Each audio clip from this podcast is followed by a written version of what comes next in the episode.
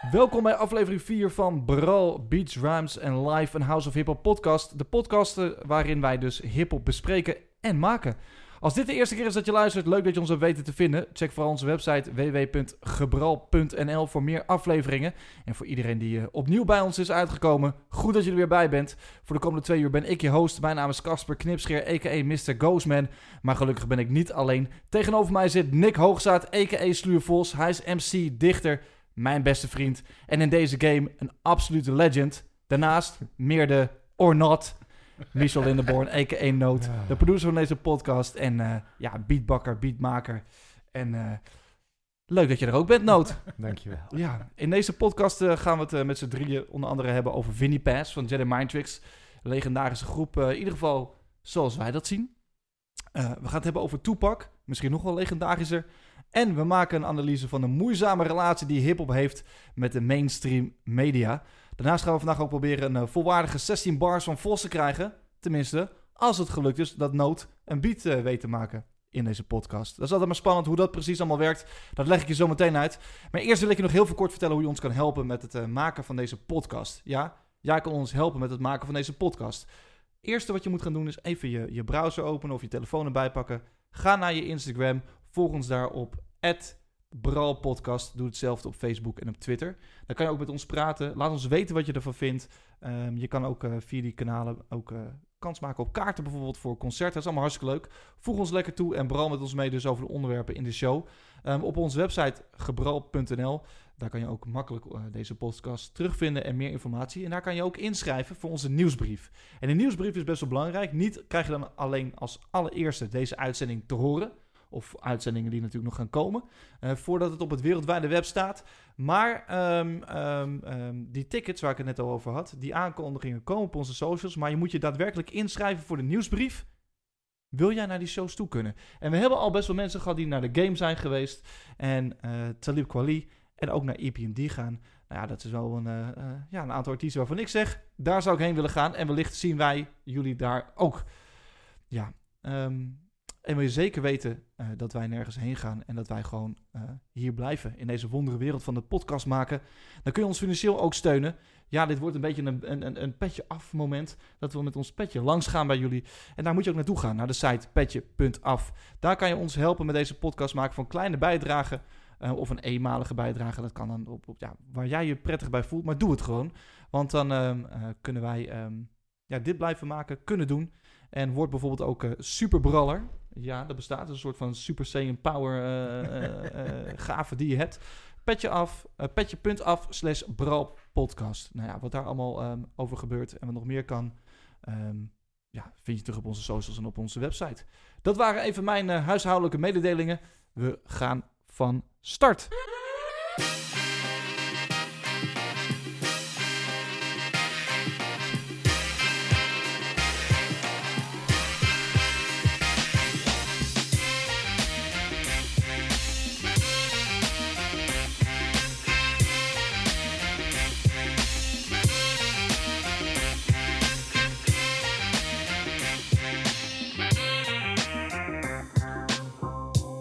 Yes, daar zijn we.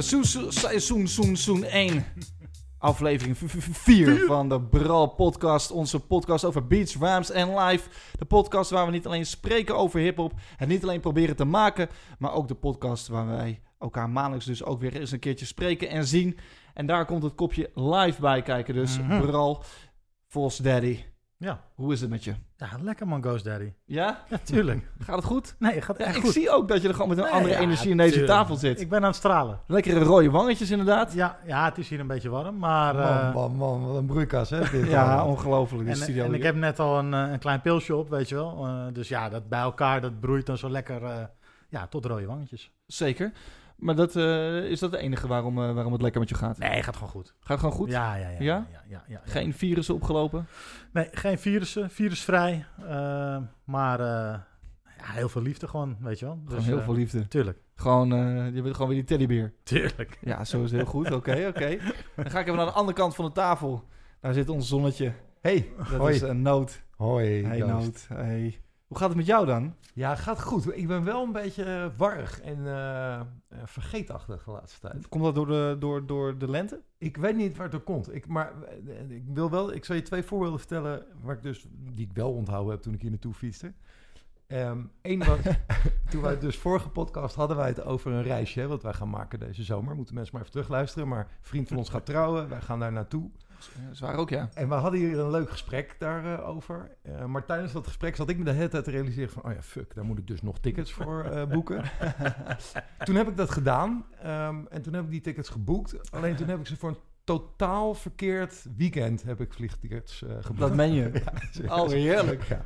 Dus toen kon ik ze zeg maar ehm, eh, ja, omboeken. Het waren in eerste instantie niet hele dure tickets... maar daarna werd dat minder... Eh, dus dat was één. En twee Nee, is... daarna werd het meer. Eh, ja, ja, nee, ja, ja, minder goedkoop. Ja, precies. Ja. Maar wel, du Wel, wel, duurder. Ja, ja, ja. ja, Ja, het is echt een hele zure, zure, zure Ja, heel ronde. leuk. En de andere was, we zitten hier vandaag en we doen nooit zo heel veel terecht met actualiteit. Dus de datum doet er niet zoveel toe, maar het is wel vandaag, eh, blijkt, mijn vijfde trouwdag. Met ja, dus eh, toen ik van de week zei, eh, het is allemaal heel relaxed hoor, maar toen ik van de week zei, ja, ja, nee, woensdagavond ga ik die podcast opnemen. Toen kreeg ik dus de eerste vraag van, hey, even voor de zekerheid, is dit niet een verrassing die, eh, weet je wel, dat je eigenlijk dus eh, vanavond wel, eh, nee, ik ben dus hier, Nee, ben vanda- echt hier. Vandaar dat je ook zei van, we moeten eigenlijk iets later beginnen met de opname. Dat is wel even lekker voor thuis. Ja, ja, nou, nou, op zich niet per se dat, want toen wist ik het nog niet. Maar ja, nou, om maar aan te geven. Het gaat goed met me, het kan allemaal wat scherper. Ik hoop dat het vanavond in deze podcast... Je bent hier om een, zometeen een beat te maken. Ja, Dat, daar ben je wel op voorbereid? ja, de, ja, nou ja, voor zover ik me daarop kan voorbereiden heb ik dat gedaan. Maar eh, we gaan het weer zien, Ghost. Hartstikke goed. ja, zeker. Nou, leuk dat jullie vragen hoe het met mij gaat. Dat is ook, eh, gaat ook eigenlijk wel prima. Ja, Ja, vergeten.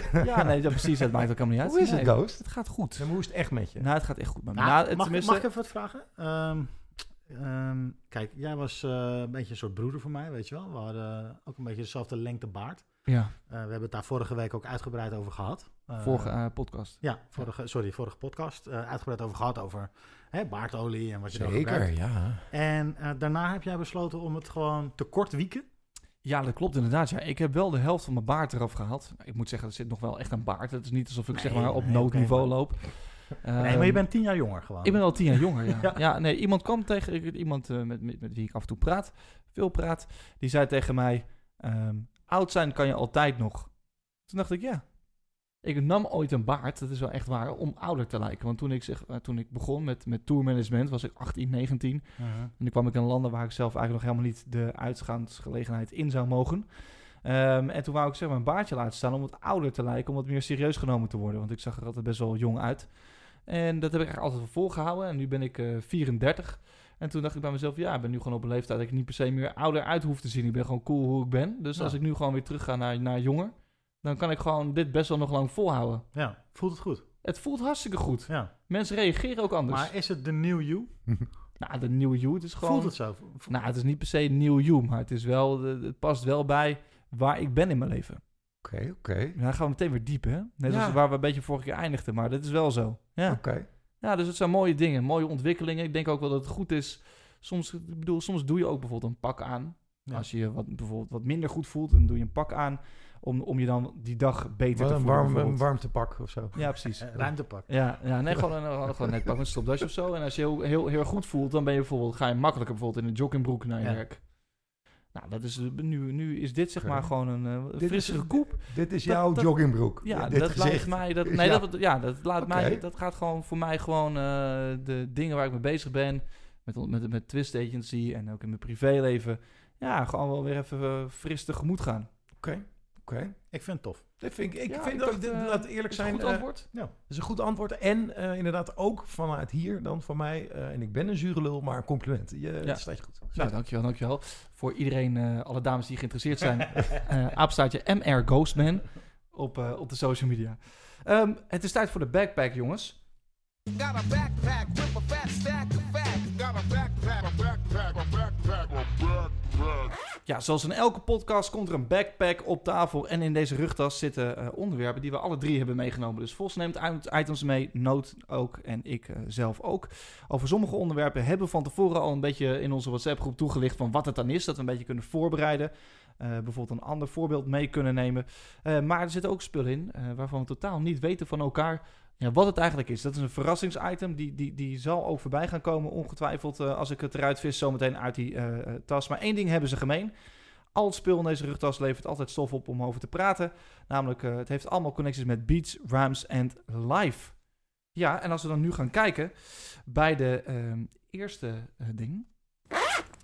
Dan heb ik iets meegenomen, Sluwe Vos, uit ehm, ons House of Hip Hop radio tijdperk. Oké. Namelijk, ehm, het is een bokshandschoen. Mm. En die staat natuurlijk symbool voor de onvervalste Battle. tweestrijd. Twee strijd. Inderdaad, ja. Wij maakten ooit een, eh, een, eh, een mooi radioprogramma. Ehm, vertel eventjes wat die, eh die tweestrijd inhield. Nou, wat wij deden was op de socials, op de social media, zetten wij tegenover elkaar twee artiesten die nou, enigszins raakvlakken met elkaar hadden of nou, qua orde van grootte een beetje op elkaar leken. Eh, en ja, we lieten zeg maar de luisteraar een keuze maken wie het beste was. En de winnaar werd dan gedraaid eh, die avond eh, in eh, House of Hop Radio. Ja, en het leek me ook wel leuk om dat terug te, terug te brengen. Leuk item. Dus ik heb ehm, twee producers die we tegenover elkaar gaan zetten. Mhm. En twee rapgroepen. Oké. En dan wil ik van jullie eigenlijk gaan horen voor wie jullie zouden kiezen en waarom. Cool. Er kan maar één winnaar zijn per Ja. ronde. Ja, en wat eh, bij gelijke stemmen? Oh, dat kan niet. Nee, kan niet. Jullie zijn met z'n tweeën. En als Ghost de host is altijd beslissend. Oké. Dat is gewoon de, de leidraad van, de- van deze podcast. Dus ik ga jullie twee fragmentjes laten horen van twee producers. Ehm, gewoon een kort fragmentje. Ja. En dan, eh, dan, dan wijst het allemaal zich vanzelf. De battle dus.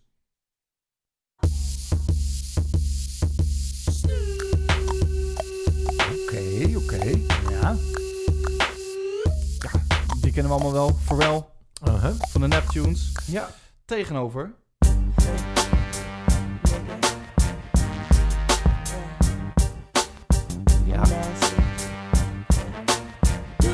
Uh, battle. Ja, dat is eh, Timbaland natuurlijk. Alle twee eh, worden ook wel de superproducers genoemd. Dat is echt iets, daar heb ik laatst eh, ook bij die eh, leuke Netflix-serie trouwens over... eh, hadden ze het ook over de superproducer era. Ja. Het is nu weer wat veranderd natuurlijk. Maar Ja. dat zijn echt wel twee namen die bij mij nog steeds...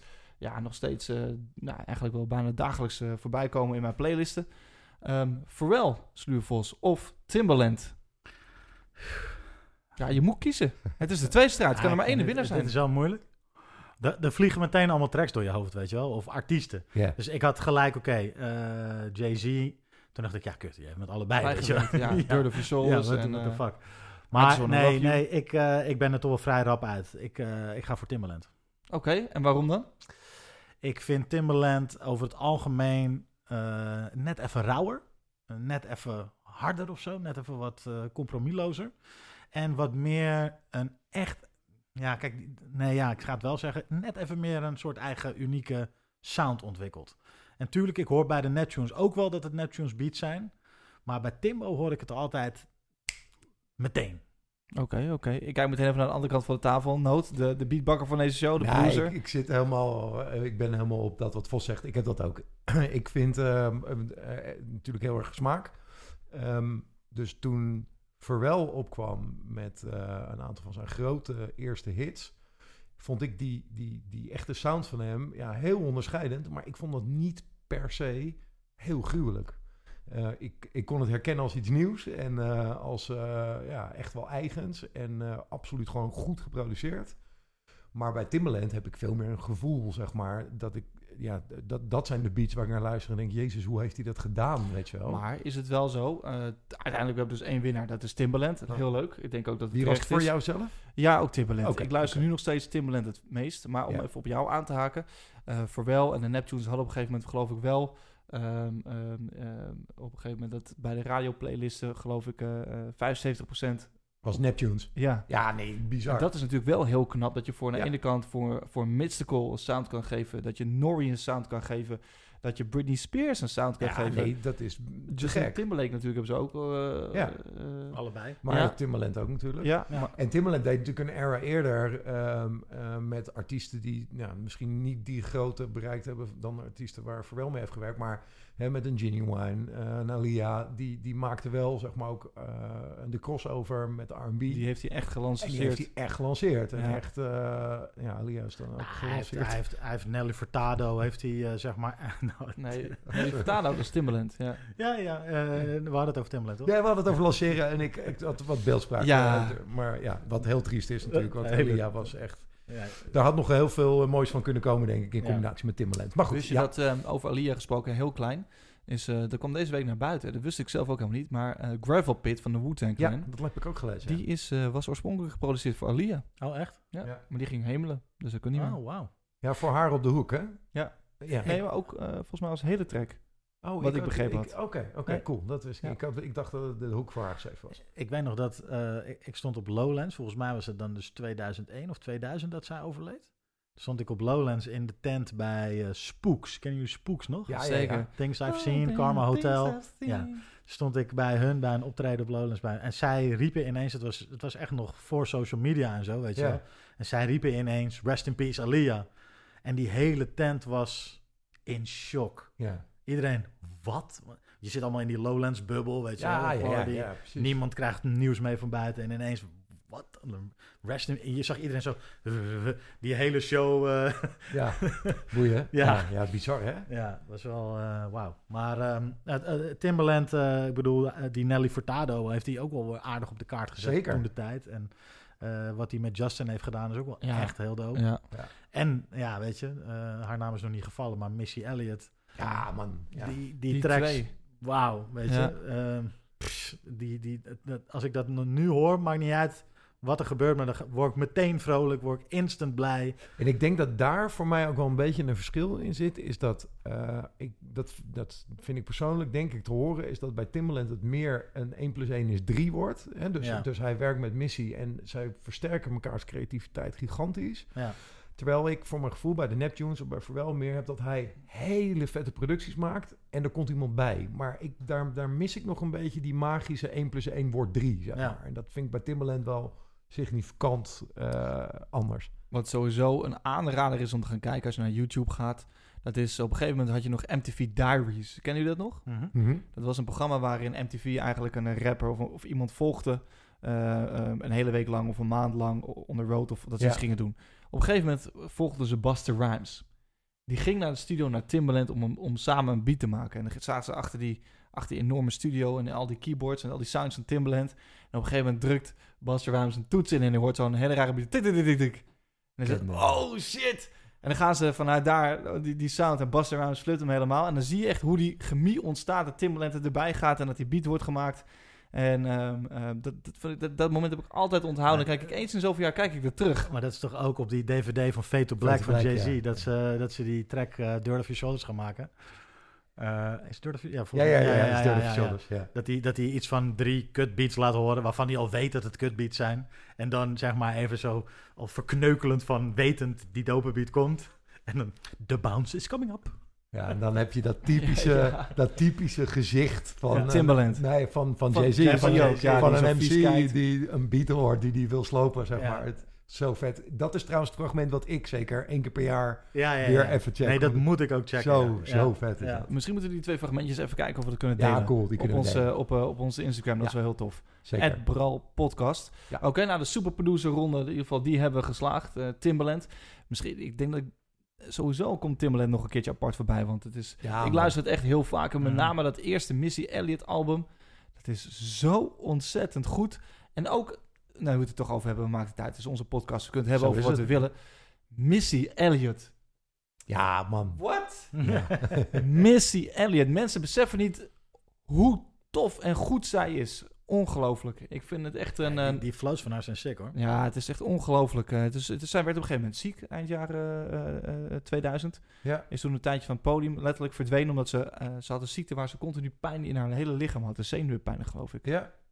Is daar nu wel van hersteld. Deed toen op een gegeven moment, een paar jaar geleden... de Super Bowl opeens mee. En heeft vorig jaar nog een EP uitgebracht... ehm, die eigenlijk best dope is gewoon. Ik luister hem te weinig, want ik luister sowieso te weinig muziek. Maar het is echt dope. Ook wel met Timbaland erbij. En ze zoekt een beetje die nieuwe sound op. En eh, ja, altijd denk ik, ja, mijn favoriete rappers van vroeger... die dan die nieuwe dingen gaan proberen... ben ik niet zo fan van. Maar zij flikt het wel. Ja, maar ik geloof ook wel dat als iemand dat kan, dat zij dat dan wel is. Zeg Ja, maar. en ze doet die videoclips nog steeds. ja, maar dat was dat was natuurlijk wel onderscheidend. Dat Missy was toch Elliott was de queen van, de, van MTV. in die eind jaren negentig... eh, Begin jaren 2000 was dat toch bizar. Gewoon, het was de complete package. Het Ja. waren met Ja. Hype Williams hè, als Ja. fantastische regisseur die ook Die veel Get Your voor- Freak On. Ja, nou, die werd, kwam op TMF, The Box en, en MTV zoveel voorbij.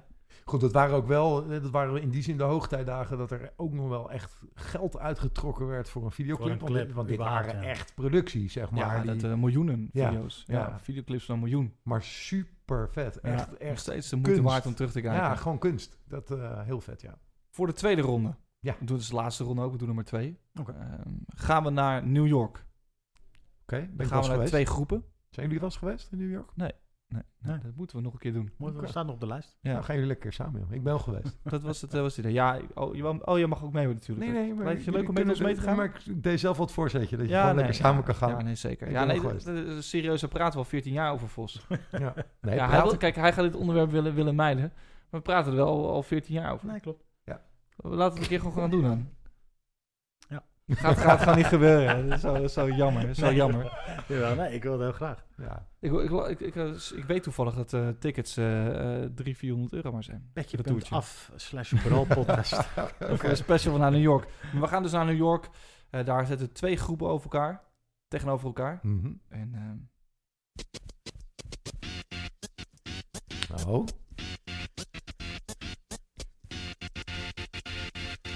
DJ-collectief van uh, Funkmaster Flex. Funkmaster Flex, tunnel style. Shout to Big Cat Cypher Sounds. MOP, Andy up in the fucking background. For the real niggas, you know me. Shout to Brooklyn, Queens, Long ja, Island, ja. Staten Island. Dat was een zonde. Nou ja, the 20 dus. outside. Brownsville. Ja, die, die kennen we allemaal natuurlijk. Legendary. Veel energie, veel agressie erin. Tegenover. Eitje. Ja, dat is een eitje voor Ja, hier hoef ik echt geen twee seconden over na te denken. Onyx. Uit Queens. Brownsville, Queens. Ja. Ja, ja, ja. Ja, toch twee groepen die kenmerkend zijn voor een agressiestijl waar je morspits gewoon ontstaan. Zodra die intro zal beginnen, dan is het eh, horloges af in de broekzak en eh morspitten. Ehm noot. MLP of Onyx? Nou ja, ik dacht, het is grappig dat jij zo... Ik, want Vos, die, die, die, hè, die hoorde je net eh, tijdens die tweede track al zeggen van... dit vind ik helemaal niet ingewikkeld. Ik vind het wel lastig, moet je ook bekennen. ik vind het wel lastig. Maar ik, nou ja, ik, ik ga wel voor MLP.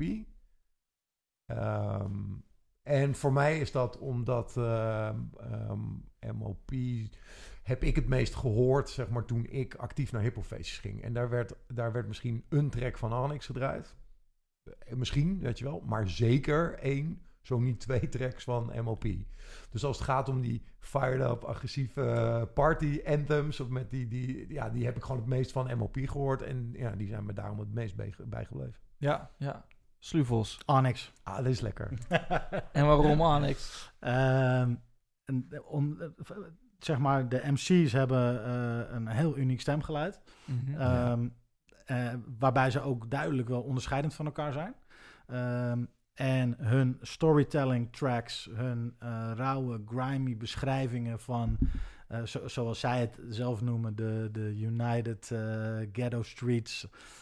Ja, weet je, dat is wel, ehm, ja, dat is wel echt mijn ding. En All We Got Is Us is denk ik wel ehm schuurt tegen top 10 hip-hop album alle tijden aan voor mij. Zo, Eh, het album waar Last Days op staat. ja. Ehm, Fredro Star heeft Evil Streets op staat. Ja, nee, maar... En, en Shut 'Em Down. Dus het, het, het- met name All We Got Is Us en Shut 'Em Down. Dat vind ik twee echt ijzersterke platen. Waarbij ik elke track helemaal raak vind. En daar krijg ik ook geen genoeg van. Ik, ik draai dat zo vaak. Ja, Eh, en ik vind MLP, begrijp me niet verkeerd, ik vind MLP ook echt gruwelijk. En daar heb ik, die heb ik ook wel echt grijs gedraaid. Maar eh Onyx is echt eh, ja, een league op zichzelf. Primo Producties of MLP. eh, wat, eh, eh, ik had Nee. dit niet aanzien komen. Nee, tuurlijk. Primo, Primo is, is daar. Maar ik, die, die grimy beats... Het, het is ook niet zoveel, hè. Die beats op All We Got Is Us. Het is gewoon drums, Ja, ah, nee, bas, ja. baslijn en Nee. een heel klein dingetje. Ja, nee, nee, Klapt precies. zo tyfus hard. Ja, nee, ja, maar dat is, ja, ja, precies. Dat is ook waarom het mij net wat minder intrigeert of zo. Omdat het gewoon wat, plat, wat platter, het is wat minder gelaagd. Plus, dit hebben we volgens mij al een keer of in een podcast, of we hebben het er gewoon een keer over gehad. Maar ik ga hier gewoon heel eerlijk bekennen dat ik regelmatig geen ene teringmoer versta van eh, eh, wat er bij Annex eh ge- gerapt wordt. Mm. Gewoon echt, ja, Mm. met, met, ik doe mijn best hè. Ja. Ben echt wel proberen. Ja, ik vind het wel tof om gewoon lyrics eh, te checken. Maar Zijn, zijn deze groeps eigenlijk vergelijkbaar? Behalve dat ze uit New York komen en, en, en dat ze grimy, eh ruwe sound hebben. Want eh, je, we hadden het al, jij noemt Primo. Eh, MLP heeft misschien wat toch wat meer op ja, wat meer energievolle, blazende beats. Eh, waarvoor, waarvoor, zijn, waarvoor is Onyx, wordt die ook geassocieerd met veel energie en rauwheid is nou duidelijk. ja, maar ik denk dat misschien dat het verschil zit in, in duister. Ja. Ik vind Onyx echt duister. Ik vind Ja. MLP eerder agressief. En agressief kan ook duister zijn. Maar, maar ik, daar, daar zit voor mij wel het verschil Ik- of zo. MLP heeft net even wat meer funk of zo. Net even wat, en dat komt ook Ja. door Primo. ja, Dat, ja, ja. Dat, dus dat hebben zij wel... Ja, en dat ik toch ook vind dat MOP eh, meer een tag team is. Ja. En bij Ja. heb je toch wel om zijn beurt versus. Eens. MLP, die is echt... ta, ta, ta, ta, ja, dat is gewoon eh, Eens. de Bertonelli Ja. van de rap scene, weet je wel. Dat is gewoon... eh, ik kan het ook nooit meer loszien, dat filmpje. Dat kennen we allemaal toch wel? ja, ja, ja, ja. Ja, heerlijk. Ik moet het ook even plaatsen voor de mensen die hem niet kennen. Ja, ja. Nee, Ja. ja, ja ik, eh, dat tag team ding, dat ben ik wel helemaal met je eens. En eh, ehm, eh, zij hebben denk ik ook wel gewoon meer eh, gefeatured of meer meegenomen op hun platen. Nou, meer in de hoek van artiesten die ik geloof ik eh, gewoon überhaupt ja, meer nou, checkte. Terwijl Onyx natuurlijk ook wel met Wu-Tang een collaboration heeft. Ja, eh, zeker, zeker. gedaan. Ja, eh, met Big Pun, met... eh ik bedoel, Sticky Fingers staat op de Marshall Mathers LP. Ja, als solo-artiest heeft Ja. hij zeker. Ja. Maar op Annex platen kwam volgens mij niet zo verschrikkelijk veel anders voorbij, toch? Nou Of, ja, Big Pun, DMX, uh. Nori. Nou, dan heb ik echt eh, zitten slapen. Ja, maar dat is dan wel Shut 'Em Down. Eh, op All We Got Is Us is het gewoon strictly Onyx. Ja, precies. En ze hadden natuurlijk ook mensen uit hun eigen omgeving. Een X1, inmiddels overleden, maar Ja. eh, die, ja, die pushte zij echt naar voren, ook door hun eigen platen. En die mocht vaak meedoen. Ehm, dus dat is ook wel een beetje... Onyx zoekt het wel redelijk in hun eigen kring en eh, ja, in, in binnen wat zij te bieden hebben. En dat is ook natuurlijk tof. Ehm, Ja. Maar ik weet niet man, die lyrics van, eh, van Sticky zijn echt crazy gewoon. Eh, Die, die, Ja, Sticky Fingers is Hij echt zegt- wel onderschat. hij zegt zulke vette shit. Ja, dat is wel echt waar. We hebben een keer eh, met hun eh, eh, in Groningen een show gedaan. Nou, hè? zeker weten. ja. Nee, ja, dat is, dat, dat, wou ik ook nog vragen aan Vos. Want, nou, inderdaad, ja. Komt in één keer terug. Kijk, en die show, dat, dat boeit allemaal niet zoveel erg. Het was een leuk festival in Groningen. Zij braken daar die tent af. Maar wat mooi was, was dat we... eh, ja, wij bleven in Groningen, want Groningen is ver weg. Alles komt terug. Groningen is niet naast... Wij wonen in Haarlem. Deze podcast wordt ook gemaakt in Haarlem. Dus eh, ja, wij moesten vanuit Haarlem daar naartoe. We, eh, wij deden een pre-showtje ergens in de middag. Allemaal hartstikke leuk en aardig. Daarna bleven we gewoon op dat festival Annex checken. En eh, nou, gewoon gezellig biertjes drinken. En toen gingen we Groningen in Ja, met eh Annex, met de jongens. Ja. Zijn gewoon gaan stappen. ja, Discotheek in. ja, Met Mighty Maxoy. Ja. Die was er ook bij. Ja. Shout-out aan Mighty Maxoy. Ja, en Cent was erbij. Ja. ja. We waren met de, met de crew Day. gewoon. En Dave Ja. was erbij. Ja. Kijk, ik heb, eh, we hebben allemaal herinneringen. Ik wil er in ieder geval even eentje delen. Ik weet dat we op een gegeven moment eh, stonden wij in een soort van discotheek. Die had een, een kelder. En in die kelder was... Meerdere verdiepingen. Ja, meerdere verdiepingen. En in de kelder dat was een soort dubstep grot. En ik heb eh, ja, sinds de opkomst van het genre dubstep eh, zeer veel moeite met dat genre. Ik krijg daar altijd kortsluiting van. Mijn beschrijving is altijd alsof mijn hersenen in de magnetron eh, zitten. Dat heb ik met dubstep. Dus ik stond in die eh, kelder. De zoveelste dubstep track kwam op. Ik dacht, nou, nu, nu wordt het echt een heel epileptisch gebeuren. Ik ga even eh, naar buiten. Dus ik was als eerste, eh, zat ik daar buiten ergens in een drukke uitgaansstraat in Groningen. Eh, het was het lekker weer, het was in de zomer. Dus volgens mij rookte ik toen nog. Dus ik zat denk ik even ergens op de stoep een sigaretje te roken en een beetje te kijken. En toen uiteindelijk kwamen jullie allemaal soort van naar buiten. Ehm, maar iedereen ook soort van in zijn eigen tempo. En het enige wat ik gewoon onthouden heb, is dat die gasten van Annex... eh, Ja, die hadden hun glazen nog niet op, maar waren wel, wel klaar daar. Dus die stonden, die hadden alles meegenomen naar buiten. En, en ondertussen liepen we naar een volgende tent. Waren er ook heel veel van die bezoekers van dit festival die hun herkenden. Die, die, nou ja, het ging, het was een puinhoop gewoon. Ik, voor mijn gevoel hebben we ook maar drie meter gelopen en er 2,5 uur over gedaan. Eh, Echt een chaos. Maar wel een mooie chaos. Heel gezellig. Ja, ja, met Annex hebben we natuurlijk door de loop van de jaren veel mee mogen maken.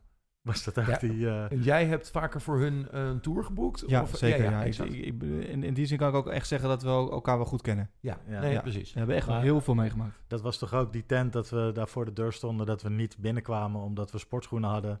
Nee, jij kwam niet binnen. Omdat, dat is inderdaad, ja, we waren op de grote markt in, in, in, eh, in Groningen. Ja, We gingen een, kroeg binnen, volgens mij drie Ja, gezusters zeker. daar in de was buurt of zoiets. zusters, ja. En eh, eh, eh, iedereen, werd, iedereen kon naar binnen. Nee, het was niet drie gezusters. Was naar, naar, naar Ja, beneden. We moesten de blauwe aan de overkant van de drie gezusters. Nee, daarnaast de blauwe engel. Die Oh, ja. hoekje die dan echt heel lang open. Ja, ja, en daar gingen we, gingen we naar binnen toe. En iedereen ging naar binnen. En we hadden een leuk gezelschap met z'n allen. En, en we waren gewoon een leuk gezelschap.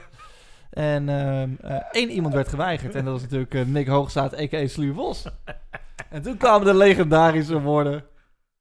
Weet je wel hoe duur deze schoenen zijn? Ik heb net opgetreden voor Ja, dat ook, 5000 ja. Groningers. Die hadden allemaal sportschoenen aan. dat is wel echt waar. Ja, hij was Ja, kwaad geworden. Geen woord gelogen. En toen, eh, toen stonden wij allemaal al beneden. En op een gegeven moment dacht ik, waar is Vos nou? Rood hoofd, gebaren bij de portier. Toen hebben we uiteindelijk nog wel mee naar binnen gekregen. Ja, ja, maar ik mocht uiteindelijk Ik heb binnen. naar Oh. binnen geluld. Ja. Ja, toen zijn we ook echt goud. midden in de nacht geëindigd in, eh, Nou, niet midden in de nacht hoor. in de ochtend. Ja. Ja. Ja. Nee, ik denk, dat het, ik denk dat dat zeker 7 uur, 8 uur was. Het mooiste vond ik eigenlijk nog eh, het ontbijt de volgende ochtend. Waar iedereen wist dat er een legendarische nacht was gebeurd. Het hotel was fantastisch, maar iedereen zwijgend aan tafel zat. Gewoon zijn ontbijtje te eten en weten van hier gaan we qua inhoud nooit meer over praten. Ja, behalve dan deze... Hè, De- dit deze, kan de- nog. Deze grapjes kunnen Ja, nog. dit kan nog, dit kan nog. Nee, maar Annex inderdaad, ja, als je mij zou vragen, eh, ja, MLP, eh, Annex 1-1. Ehm dan kunnen de luisteraars natuurlijk ook vragen online eh, wie, Zeker, wie, die, wie, die- wie die moet gaan winnen. Maar ehm, ja, Annex heb ik zelf, daar hebben we ja, een redelijk vriendschappelijke band mee. Zeker. Eh, ook nog via de jongens van Dope DUD zijn natuurlijk veel dingen gekoppeld, hebben veel dingen gedaan. En eh, ja, die gasten zijn gewoon ons live nog steeds ontzettend goed. En ik hoop dat ze binnenkort gewoon weer in Nederland staan. Want het zijn echt Sticky Fingers en Fredo Stars zijn echt gewoon bazen. Echt, Ja, ja. echte Ik- ik- ik- bazen nog, en nog- legends. Nog, één anekdote. Ze moesten toen optreden in Amsterdam eh, bij de eh, soort havengebied. Het was een 90s eh, hip-hop festival. Onyx, Beatnuts, Redman, Redman. EPMD, Ja, EPMD was echt een heel... Damage natuurlijk. J-Root, tuurlijk. Eh was een heel groot eh hip-hop, nou, soort festival eigenlijk die hele dag gaande. Amsterdam Hip Hop Festival. En toen eh. hadden we Five Elements, was een winkel in Amsterdam. En daar in de kelder deden we af en toe shows. En toen hadden we... ja, dat was een kelder aan de Nieuwside Skolk volgens mij. Of. Voorburg wel, hoe dat Ja. ook heet. En in die kelder konden eh 90 man. Ja, dus daar deden we wel eens shows voor 90 man. En toen hadden we geregeld die dag dat Fredro een surprise optreden zou doen in de Five Elements. Ehm, maar goed, eh Fredro Star is natuurlijk ja, een beetje chaotisch. Drinkt op zo'n dag, rookt op zo'n dag. Dus die was, nou, die was best wel bewegelijk. En eh, die moest ik dus ophalen bij zijn hotel. En ik moest met hem door Amsterdam Centrum heen, lopend naar de Five Elements. Een Sticky was daar niet bij die dag? Nee, nee ja, of die kon niet. Alcoholics waren er wel bij, geloof ik. Er was iets. Er waren Ja. er meer gasten bij. Alcoholics en Alex. Alcoholics misschien. Maar goed, ik moest Fredro Star ophalen. Dus eh, dat duurde natuurlijk al veel te lang weer bij het hotel. Want hij moest nog even naar boven. Hij moest nog even iets doen. Hij moest nog even liggen. Hij moest nog even bellen. Hij moest nog even...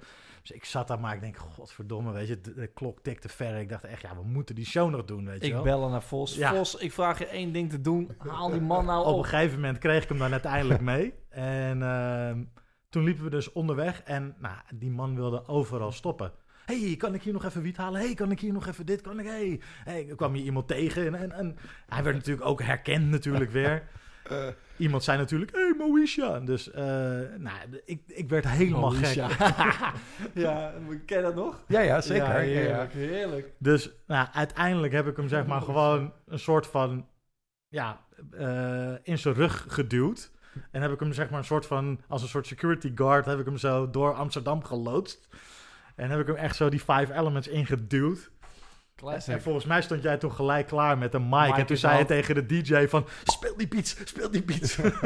Ja, dat was wel classic. Dat was wel classic optreden trouwens. nee, het nog. was gruwelijk. Ja. Het, het was echt vet. Want hij kwam toen ineens ook eh, heel, erg, heel erg energiek. Eh, en echt, ik denk dat iedereen waar voor zijn geld kreeg. Ja, vet. Dus eh, de weg ernaartoe was heftig, maar de Ja. uitkomst was... eh, daar heeft niemand wat van gemerkt, zeg maar. Exact. Nice. Jawel, jawel.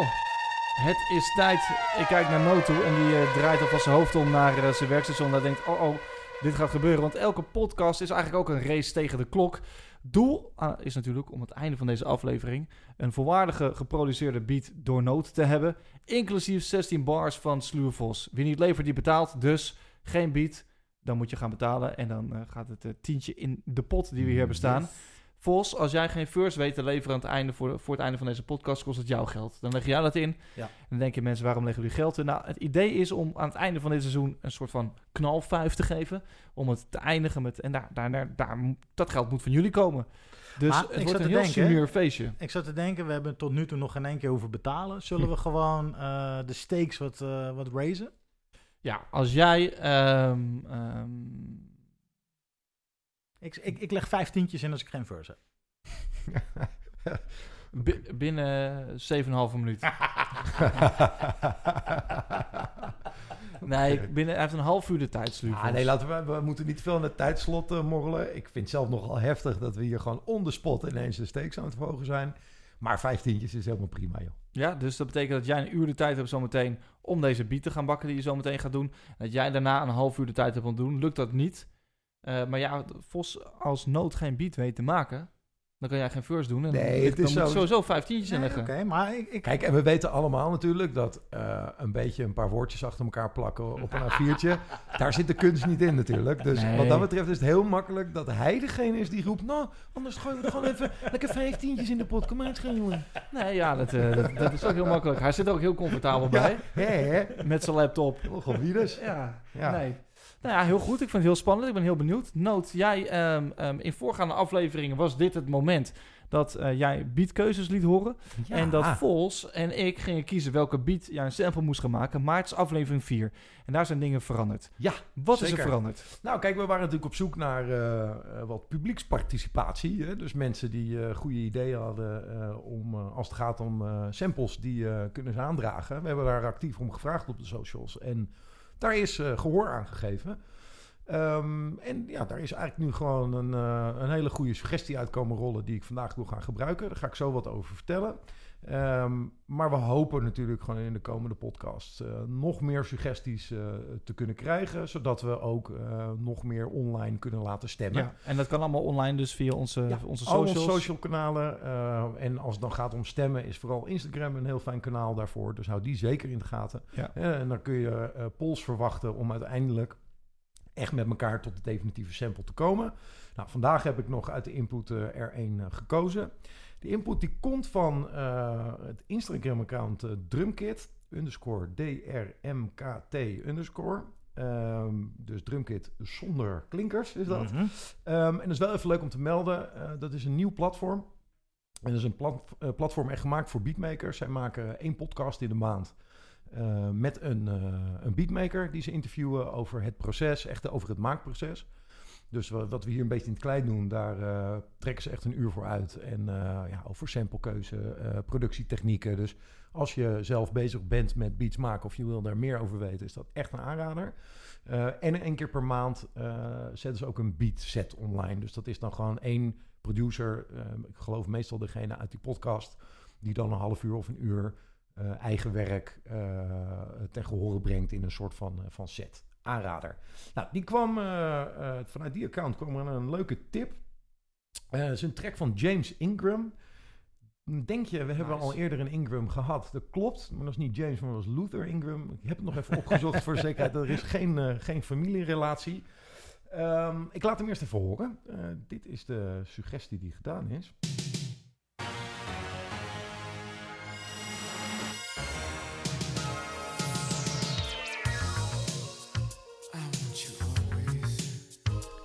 Ja, weet je.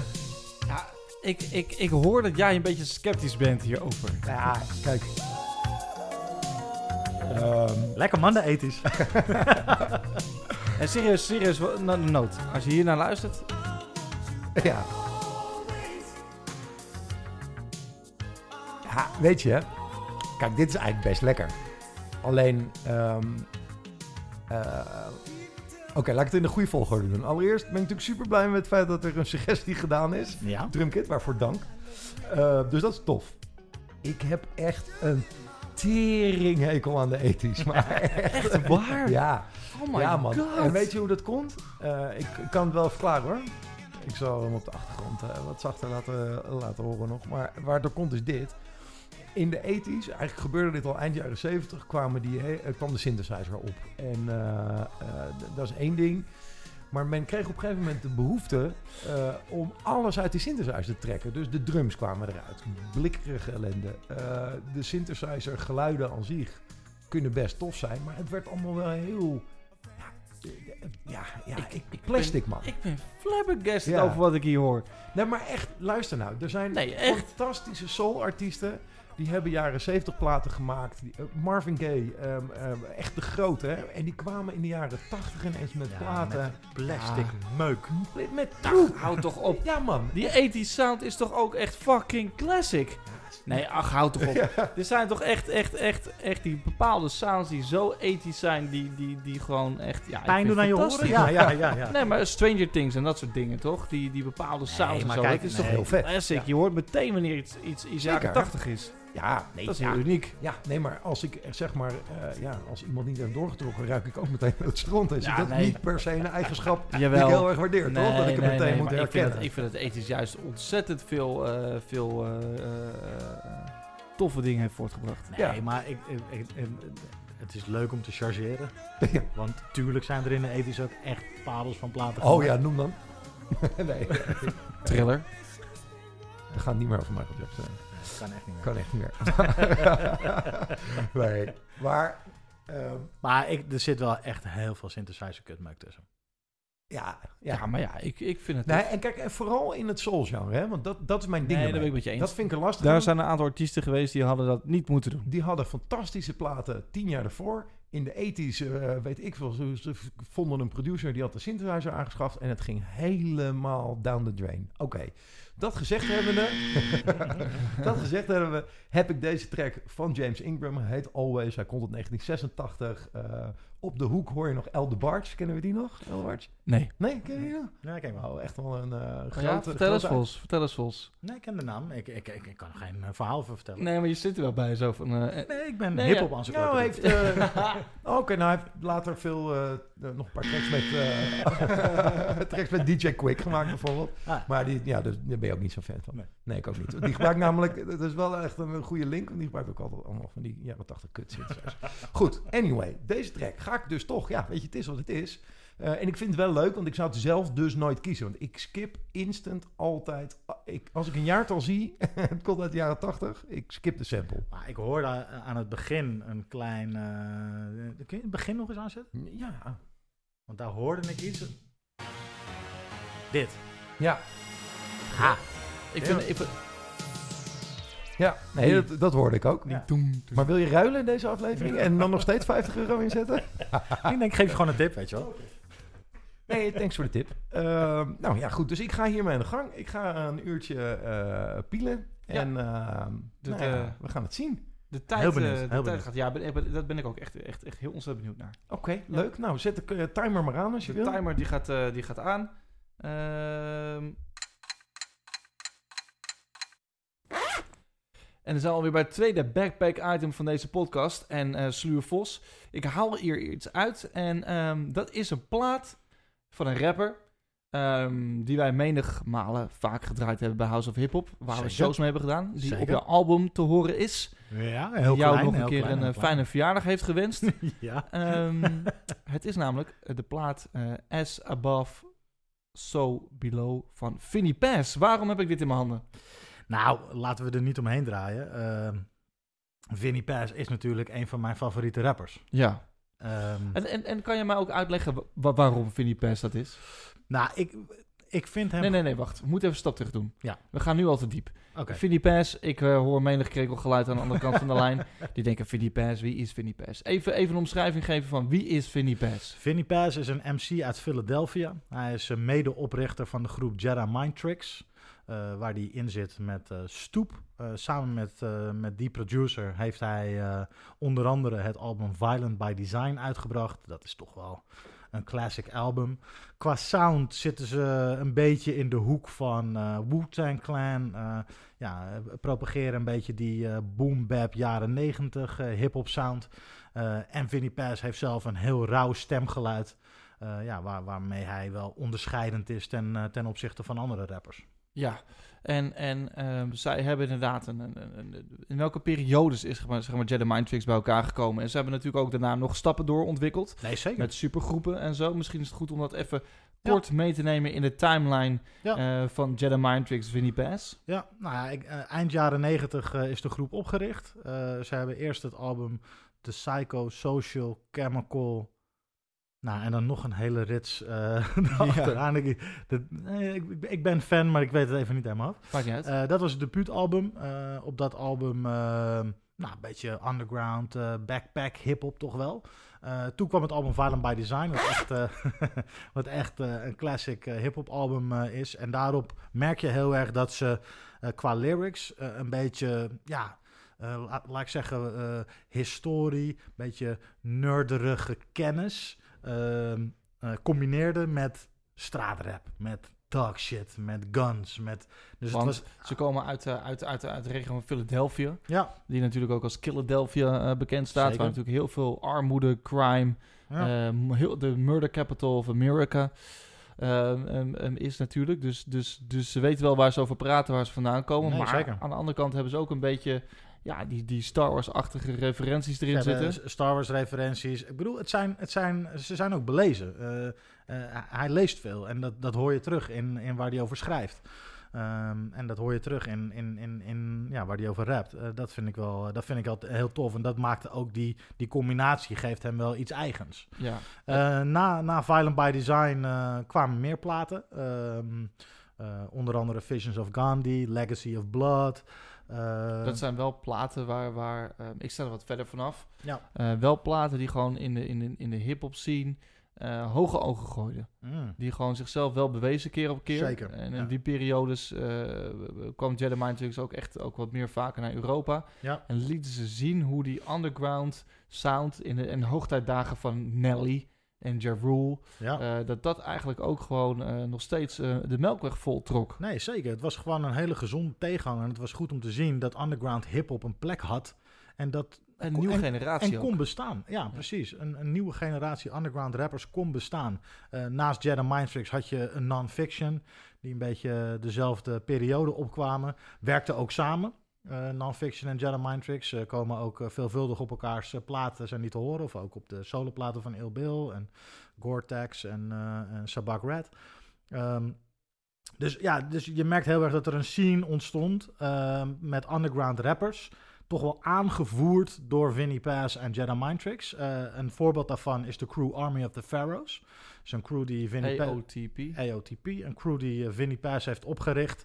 En daar eigenlijk een hele sloot aan MC's om zich heen heeft verzameld. Die allemaal echt supertalenten zijn. En, en echt heel goed in, eh, in rap. Waaronder een Apathy, een Self-Titled, een Esoteric, een Outer Space, King Size. ehm, ja, een, echt een hele groep, eh, hele groep rappers. Is het terecht dat die vergelijking een beetje werd gemaakt met de Wu-Tang Clan? Ja, ik denk het wel. Ja, ja, ja. Eh, sowieso had elke MC zijn eigen stijl, zijn eigen flow. eh, en dat gecombineerd op, eh, op harde, ruige, rauwe beats. Ja, toch, het schurkte wel een beetje tegen die Wu-sound aan. Ehm, Ja, dus, nou, wat, zeker. dus wat dat betreft, eh, ja, die vergelijking, eh, die, eh, die begrijp ik wel. En zeker Army of the Pharaohs. eh, volgens mij op eh, een, een van de platen hoor je in totaal denk ik wel 15 verschillende MC's. Ja, dan, eh, dan snap ik die vergelijking wel met Wu. Ja, ja. Ehm, even voor, voor, voor mijn beeld, voordat we terug zometeen gaan naar, eh, naar, naar, naar... Nee, laten we dat wel gaan doen. Vinnie Pass. Ja. Waarom is hij jouw favoriete rapper? Nou ja, door, eh, doordat hij dus eh, rapt met de energie van Mike Tyson in de ring. Ik denk dat dat het is. Hij is niet meer te fucken. Maar hij is ook slim. Eh, hij, hij, hij heeft ook hele vette concepten. Eh, bijvoorbeeld eh, zelfmoord heeft hij een heel indrukwekkende track over. Ja. waarbij hij als het ware zijn afscheidsbrief voorrapt. Ehm, hij heeft concepten over ja, de, de mode-industrie in China, over de vleesindustrie. Ehm, ja, dus weet je, hij, hij pakt ook echt wel, eh, maats- hij is ook wel maatschappelijk betrokken.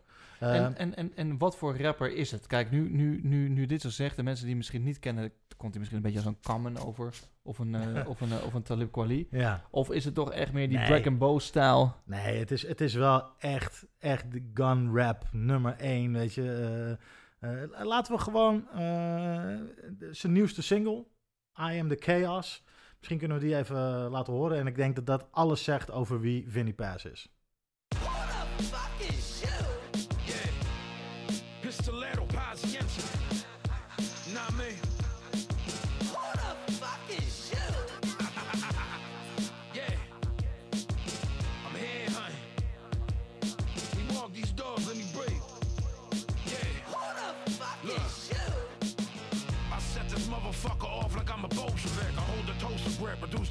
To a soloist. I load the clip and leave a hole in shit the size of boulders in. Patrol the vulture pit, I'm leaving marks in them like socialists. See, this the moment that you realize you're just not a vocalist. The coldest ocean drip is it close to his cold Milosevic. A male chauvinist, you could cross it off of your grocery list. You hold his swollen ribs, I'm beholden to Odin Kroger. Of dope is odorless, getting hold of it, kinda onerous. Me off felonious, I got dogs and homie, they Dobermans. We noblemen, there's oxygen, hemoglobin, odorous. So close your lips, I keep this shotty, you'll leave your frozen. Step, I blow the fair homie, the hole the size of a poker chip. The Yaba ownership, just another level of showmanship. I have that show, but pick me, you jokers getting the bulk of it. It hit his lower lips, now his closure, homie, is over with it. Fuck out the way, pa. I'm Ja. through.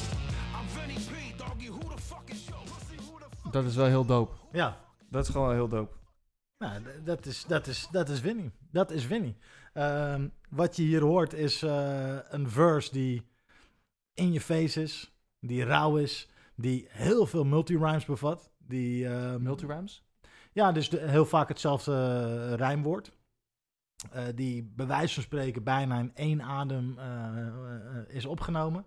Ehm, ja, dit is, dit is keihard en dit is waarom ik hem doop vind. Ja. En om even, hij zegt bijvoorbeeld op een gegeven moment hoor je hem zeggen van I got dogs, homie, and they're Dobermans. Weet je, om aan te geven van oké, ik heb niet zomaar honden. Nee, ik heb Dobermans, weet je wel, die, die echte gevaarlijke vechthonden. Dat is mijn shit. Dat is, En dat, is- dat is alles, dat, dat zegt over alles, eh, dat zegt precies wie hij is en eh, hoe die rapt. heeft, heeft Vinnie zijn volle potentie kunnen halen? Ja, nee, dat denk ik wel. Ja. Maar ik bedoel, als we het nu hebben over de laatste 20 jaar rappers. Wordt, ik bedoel, je hebt het over Kendrick, J. Cole, ehm, ehm, ehm, dat soort gasten. Waar, waar, waar, moet, waar moet ik Vinnie Paz in, in, het, in het lijstje eh, plaatsen? Waar staat hij? Hoe wordt hij gezien? ja ik Is het meer een Europees ding ook? Of is het in de States nee, ook nee, een ding? Nee, het is in de States ook zeker een ding. Ehm, kijk, het is gewoon tof dat hij eh, als, nou, laten we zeggen, independent artist, want dat is, hij heeft zijn eigen label. Ehm, hij doet alles zelf. eh, en daar al heel lang gewoon echt goed van kan leven. En tuurlijk, hij doet... eh, Maar, maar wat is zijn status? Want ik heb wel het Ja. idee dat deze gasten een beetje buiten de rap scene staan. Eh, hoe gek genoeg. Nee, nee, nou nee, daar ben ik het niet helemaal mee eens. Wat je ziet is dat zij, een, eh, en, en zeker Vinnie, is echt de aanvoerder van een, een onderdeel of een deel van underground hip-hop. Als je kijkt naar de, de, het deel waar ehm Dope D.O.D. in zit, het, het deel waar de Snowgoons in zitten, waar Onyx nu in zit, eh, waar MOP in zit, die, die vibe en die, dat deel van de scene, ik denk dat Jedi Mind Tricks daar een van de aanvoerders van is. Maar een MLP weet dus ook wel wie Vinnie Paz is. 100%. Maar je ziet niet dat Vinnie Paz veel buiten zijn eigen klik dingen doet. Is dat dan een bewuste keus? Het is niet dat je zeg maar een, een Onyx Vinnie Paz track ziet. Eh, nou, eh Vinnie is wel een veel gevraagd artiest. Ik, ik weet niet of hij alles eh, doet wat hem aangereikt wordt, maar Nee, ik, ik vraag het omdat ik het... Ik vind dat zij zo'n eigen sub, eh, subgenre zijn geworden. Ook met, met, met EOTP en Apathy en dat soort gasten. Het zijn allemaal wel heel erg die veel bij elkaar doen. Mhm. Maar toch weinig op, op andere mans albums. Terwijl ze dat misschien wel waarderen. Want ik heb dat nog nooit gezien. Een J- J- Jedi Mind Tricks, Onyx plaat.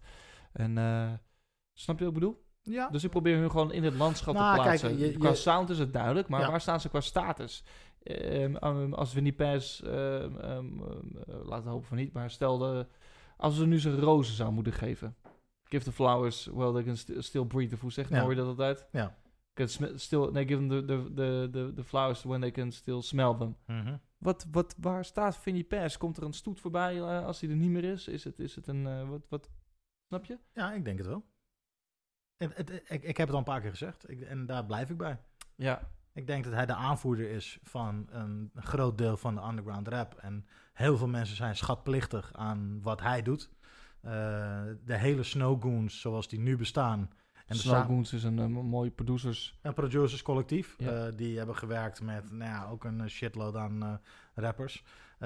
Die bestaan en die bestaan in hun huidige vorm door Jedamind Ja, en door Vinny. Ja. Ehm, en, zo zijn er, en zo zijn er wel meer acts die, eh, die schatplichtig zijn aan hem en aan hoe hij het, eh, hoe hij het heeft gedaan. Ja, als je van Wu-Tang houdt, eh, van rauwe hip-hop, we hebben het al vergelijking gegeven, dan is dit wel echt iets wat ik ook kan aanraden.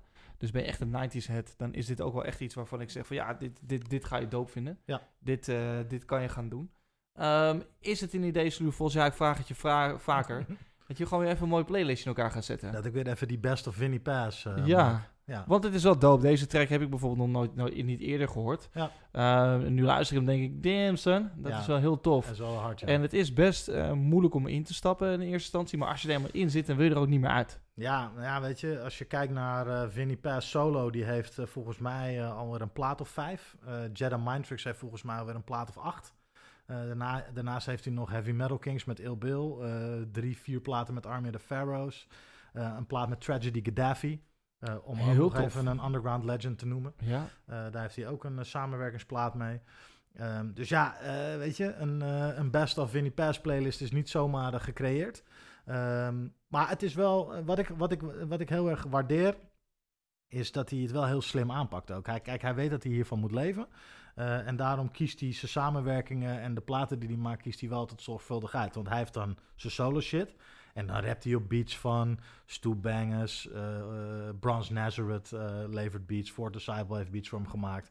Dus dan, dan zoekt hij heel erg producers uit die bij hem passen. Hij heeft natuurlijk Jedi Mind Tricks, dan is Stoep de producer.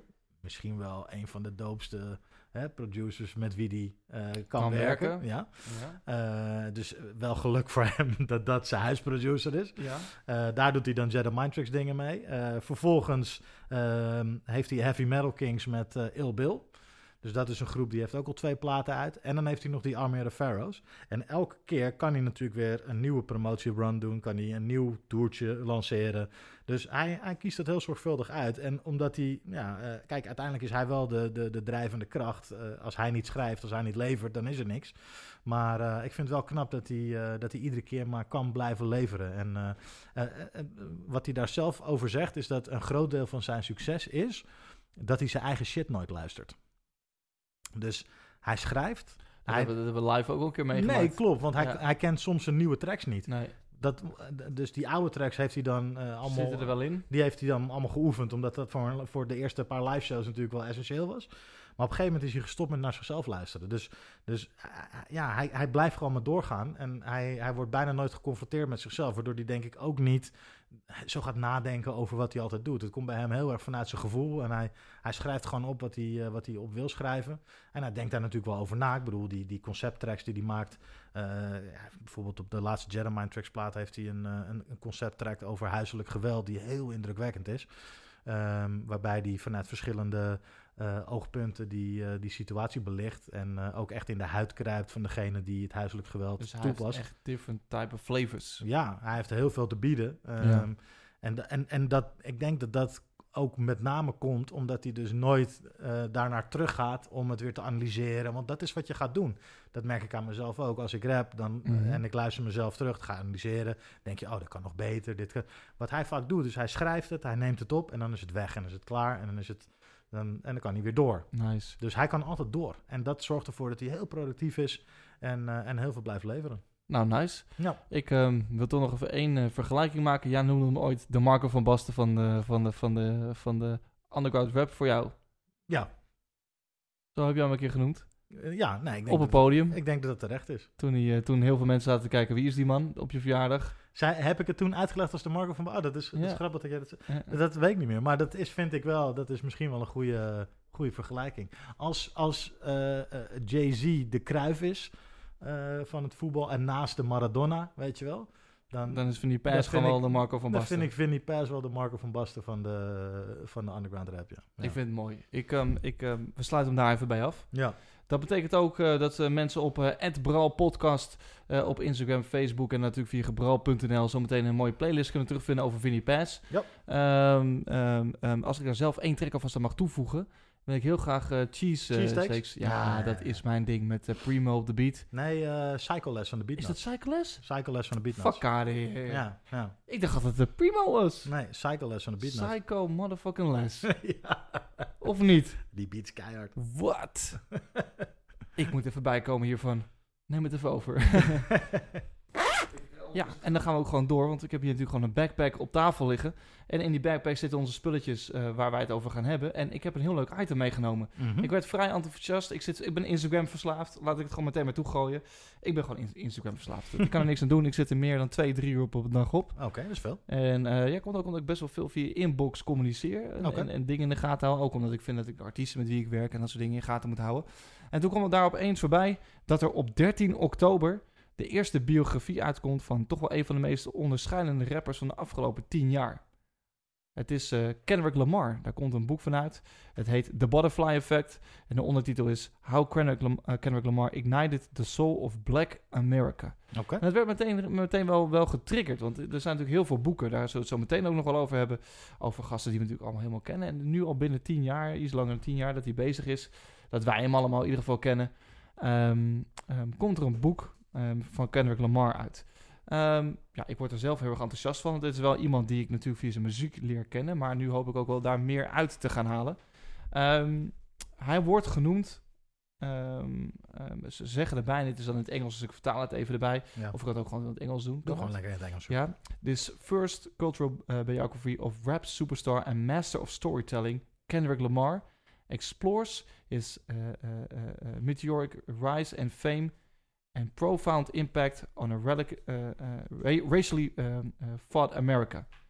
Nou, dat betekent dus dat uh, het best wel diep kan gaan. Het wordt een, uh, een, een, ja, een uitzonderlijk verhaal. Echt een, ja, een analyse van Ja. hoe zijn impact is.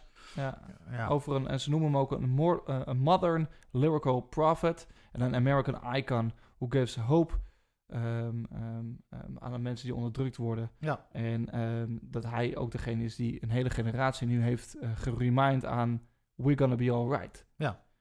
Ben jij benieuwd als je zo'n boek voorbij ziet komen van ja, dat moet ik gaan lezen? Is dat iets waarvan je van denkt, ja, daar ga ik naar uitkijken? Eerlijk, hè? Ehm, nou, weet je wat ik... eh, we zijn er natuurlijk bij geweest. Dus ehm, dit is, ik heb hier zelf een beleving bij. En dit, dit verhaal eh, is de beleving van de schrijver en hoe die het ervaart. En misschien eh, nog wel meer mensen. Ik weet niet wat hij gaat doen. Misschien gaat hij ook mensen interviewen. Eh, dus het zou heel goed kunnen dat hij daar een, een beeld van schetst. Maar het zijn... Ja, het is hoe, hoe hij daarnaar kijkt. Eh, ik, ik kijk daar ook op een bepaalde manier naar. Ik heb daar ook mijn, mijn beelden bij. Dus ik weet niet per se of dit boek me dan aanspreekt. Omdat ik, omdat ik er zo bij ben geweest. Ja. ehm, dat ik niet per se dat hoef te lezen wat iemand anders daarvan vindt. Ja, klinkt dat make sense? Ja, het make, makes sense. Maar, het is, ehm, ehm, maar je bent heel nieuwsgierig naar dingen die er bijvoorbeeld daar, daar vanuit daar naar boven komen. Want het is natuurlijk, ja, een biografie is dat iemand anders schrijft over een persoon. Nee, zeker. Een autobiografie is als iemand het zelf heeft geschreven. Mhm. Ehm, eh, maar er zijn natuurlijk daadwerkelijk wel veel boeken waar, waar, waar je ook wel meer achter de persoon kan leren kennen. Want hebben wij Kendrick al... ken jij Kendrick, zeg maar? Nou, nee, nee, niet helemaal natuurlijk. Nee, Ehm, ik bedoel, hij heeft wel eens een interview gegeven eh, bij House of Hip Hop. bij Hip-Hop. Eh, ik heb hem wel eens eh, filmpjes van hem gezien dat er ook langdurige interviews met hem zijn op eh, Amerikaanse eh, radiostations. Of met, had een gesprek met Rick Rubin, wat ik, wat ik heel mooi vond. Ehm, Hele toffe podcast ook. ja, Van Rick Rubin. ja. Daar moeten we het sowieso misschien maar een keertje over hebben. Ja, ehm, dus, ehm, nee, dus, dat, dus, dus ja, eh, ik- we hebben wel wat van hem gehoord en gezien, maar nee, ja, echt kennen, nee, nee, ik, ik, ik- nee ik, ik weet niet precies hoe hij in elkaar steekt. En het mooie is dat hij ons natuurlijk ook steeds op het verkeerde been zet met de eh, de tracks en de, en de lyrics die hij schrijft. Ja. Dus misschien heb je ook helemaal geen behoefte aan een complete beeld van Kendrick. Nou, ik niet, omdat ik dus heel erg kan verdwalen in de lyrics die hij schrijft en in de albums die hij nu gemaakt heeft. Eh, en ik, dat, dat, dat heeft een heel speciaal plekje. Ehm, en, en ja, dat is, hoe ik, dat is hoe ik Kendrick nu zie. En dat is ook hoe ik hem graag wil zien. Omdat Ja. dat, is, dat is ook wat hij aan ons wil laten zien. Ja. Ja, zeker. Nou goed, nou hoeven we het niet over Kendrick te hebben, want het boek is nog niet uit, dus we kunnen het er niet, niet, niet veel verder over hebben. Nee. Ik heb jou wel van tevoren gevraagd van, nou wat zijn nou echt eh ja, hip-hop boeken, om het zo maar te zeggen, wat, wat echt een aanrader voor jou is. Ja. En, en jij kwam wel met een, met een tof boek, waarvan ik nog nooit gehoord had. En ehm, dat is Slick van eh, Daniel Price. Ja, ik, ik, kijk, ik denk, eh, laat, ik, laat ik eens kijken of ik boeken kan vinden die ik gelezen heb, die niet per se van een rapper zijn of die, ehm, ehm, ja, die heel erg over iemand gaan. Ik, ik heb een boek, het is een fictieboek. Eh, het is een boek dat zich afspeelt in de hip-hop scene. Ja. Een rapper moet namelijk een PR-manager inhuren, omdat een schoolshooting is veroorzaakt. Eh, en de schutter van die schoolshooting die zegt dat komt door de track van die rapper. Zo. Eh, en dan komt die PR-manager in beeld. En die gaat zeg maar ja, de, de commotie eh, die daar is ontstaan. En het imago van de rapper dat natuurlijk schade heeft geleden, gaat hij herstellen. Dus het boek volgt eigenlijk Slick. Slick is de bijnaam van die PR-manager. die het probleem van de rapper gaat oplossen. Ja. Ehm, dus het, het, het is niet een boek over hip-hop. Het is niet een boek van hip-hop. Het is een boek waarin hip-hop een rol speelt. En het gaat heel erg over de, ja, de, de PR en de promotiekant en ja, imago. eh, weet je. Het, het, het klinkt een beetje als die eh, shooting van eh, Columbine. Doet hem aan denken. Waar natuurlijk Marilyn Manson vol de schuld kreeg. Omdat Ja. die gast in die raincoats. ja, Even, eh, toen. eh tra- trenchcoats, weet ik hoe dat heet. eh, Ja. natuurlijk volop Marilyn Manson luisterde. ja, ja, ik denk dat daar, daar, daar- heeft het natuurlijk raakvlakken mee. Ehm, en dat, ik denk dat dat ook voor een soort basis heeft gezorgd. Ehm, maar het is tof, omdat ja, hip-hop speelt er een rol in. En je, je zit heel erg in de vibe, ja, in die hip-hop vibe in dat boek. Maar uiteindelijk, ja, eh, het gaat echt over eh, hoe, hoe hij die problemen oplost en hoe hij dat dan aanpakt. Ja, dat, eh, dat is natuurlijk het, het hele verhaal, dus daar ga ik niks over zeggen. Nee. Maar het is, Is het echt- spannend? het is, het is spannend, het is grappig. het is een page-turner, want ja, ik heb het echt in één ruk uitgelezen. En volgens mij waren het vier, 450 bladzijden of zo, dus niet misselijk. Nee. Best wel een groot, dik boek. Ja. Maar echt, Hoe echt ben je daarbij interessant. gekomen? Ehm, ja, geen idee. Eh, Dat vind ik interessant. Dat is niet Ja. alsof, alsof het een boek is hoe je wat je. nee, ik denk dat ik gewoon een keer heb... Ik heb denk ik serieus een keer gegoogeld op hiphopboeken of zo. En toen kwam deze en toen las ik de beschrijving en Hmm. toen dacht ik... Oh, cool, let's- Dope. laten we het lezen. Ik wil hem wel eh, van je lenen. Zoals je weet ben ik bezig natuurlijk om elke maand een boek te lezen. Ja. En ehm, ehm, nou, dan, kan deze voor dit jaar nog wel even bij. Ja. Is het oké? Hebben we dat hier geregeld? Ja, natuurlijk, jongen. Ik shake in the hand. Je, je mag hem lenen. Heel goed. Ik heb ook nog een boek meegenomen die ik toch even bij jou wil, eh, wil laten zien. Ja. Dat is Earl, Mm. een autobiografie van DMX. Mm. En ehm, ik moet zeggen dat ik deze ook in één, één, één best wel lange klap heb uitgelezen. Ik ben niet zo'n hele snelle lezer, maar die heb ik vorig jaar zomer gelezen. En ehm, het, het, het beschrijft vooral de eerste jaren van DMX. Ehm, en dat is best wel tof. Je leert hem echt als persoon kennen. Je denkt wel al dingen te weten, ehm, maar dat is niet zo. Oh. Je ziet echt waar, hij- waar hij vandaan komt, hoe hij is opgegroeid. Zijn huiselijke situatie dat best wel schrijnend is. Hij is echt in een echte armoede, armoede opgegroeid. Hij heeft Mhm. in, in, in, in opvangtehuizen gezeten. Ehm, ja, gewoon echt het leven niet meegehad.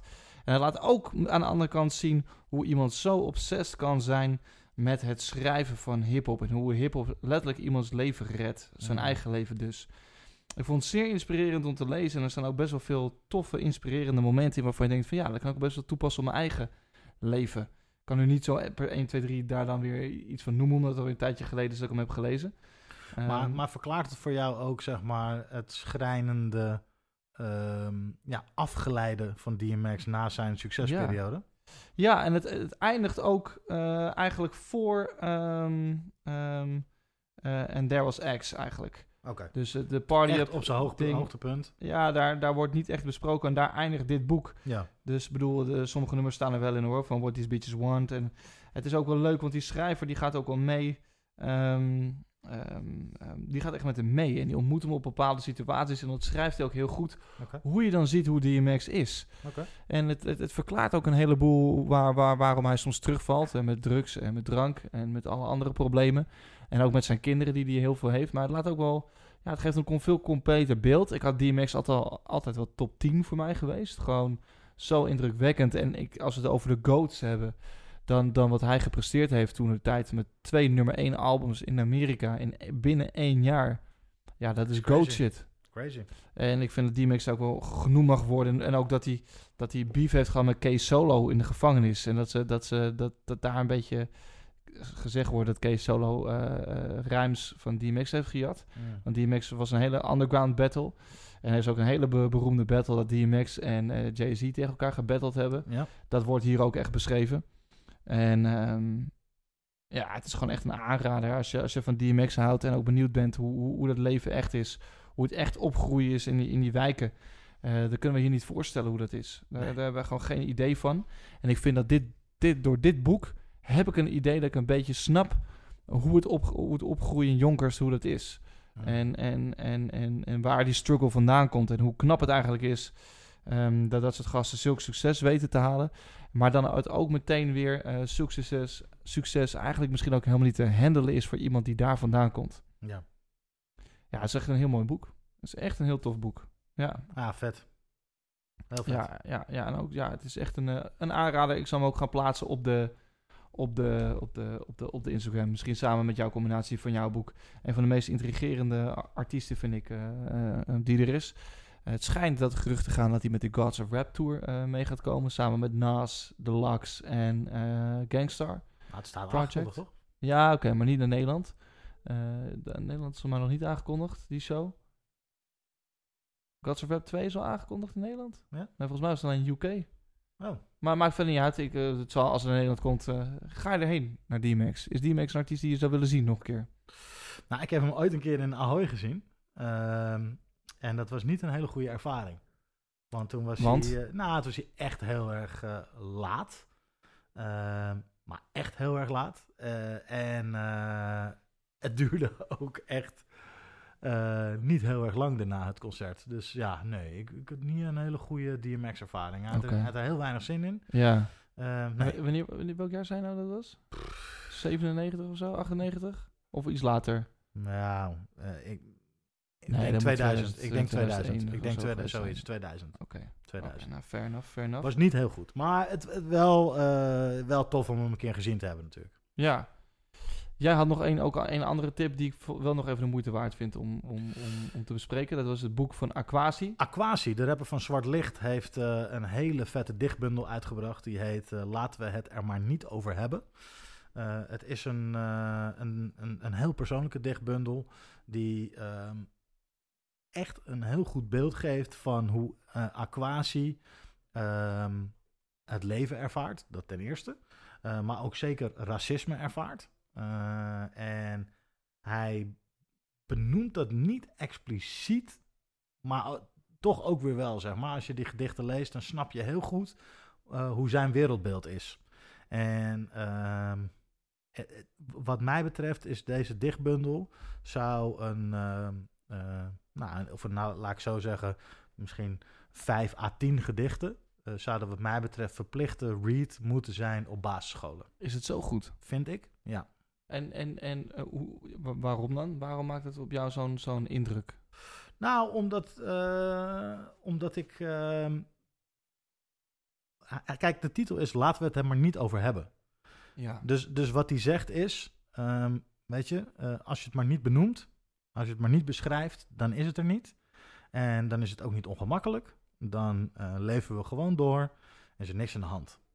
Alleen het punt is: het is voor hem wel ongemakkelijk. En hij voelt dat, hij ervaart dat. En door de manier waarop hij het opschrijft, heb je heel erg het gevoel van: wauw, oké, ik snap je, ik weet waar je vandaan komt. En nou ja, ik zou het gek vinden dat als je die gedichten leest, dat je dan daarna nog denkt: van ik blijf ehm, je beledigen of ik blijf je op deze manier bejegenen. Hij, hij benoemt daarin eigenlijk van, van, van dingen die misschien ook... Ik heb, ik heb het nog, ik heb het nog niet, niet uitgebreid gelezen. Ik heb er een keer bij jou ingekeken. Misschien moet ik die ook maar van je lenen. Ja. Ehm, ehm, ehm, hij beschrijft hoe de maatschappij in elkaar zit eigenlijk. En, en hoe bepaalde dingen van de maatschappij... eh, eh, Misschien zal ik een gedicht van hem voorlezen. nou, heel graag zelfs. Ja. Eh, het gedicht heet Olifant. Doe je dit, dit uit je hoofd? Nee, nee, nee. Oh, het gedicht heet Olifant. Ik heb het hier, ik heb het hier voor me. En dit, is, dit, dit, vind ik, dit vind ik illustratief voor hoe de bundel is. Los van het feit dat ik hiervan geniet, ben ik alweer de enige die dit nu ziet. Hoe kom je hieraan en hoe kwam hij binnen? Door de deur of door het raam? Gaan we nu doen alsof jullie mij niet verstaan? Gaan we nu doen alsof er niets aan de hand is, terwijl we allemaal weten dat er iets heel groots aan de hand is? Laten we dit soort dingen alsjeblieft niet verbloemen en het beestje altijd bij zijn naam blijven noemen. Ja, heel tof. Vind ik mooi. Ja. Vind ik mooi. En helemaal omdat de titel is olifant en daardoor weten we dat het gaat om de elephant in the room, om de olifant in de kamer. En dat geeft het een dubbele betekenis. Ehm, maar ook als je dat niet weet, is het alsnog sterk. Ja, dat, ik, ik, ik kan hier heel erg van genieten. Ik vind het mooi. Aquasi inspireert jou ook? Ja, de- de- absoluut. Ja, ik vind het heel inspirerend. Oké, heel tof. Tof. Ik eh, zet hem ook op mijn lijstje. Ja, Kan niet anders. Nou, heb ik, nou geef ik jou de keus, eh, Vos.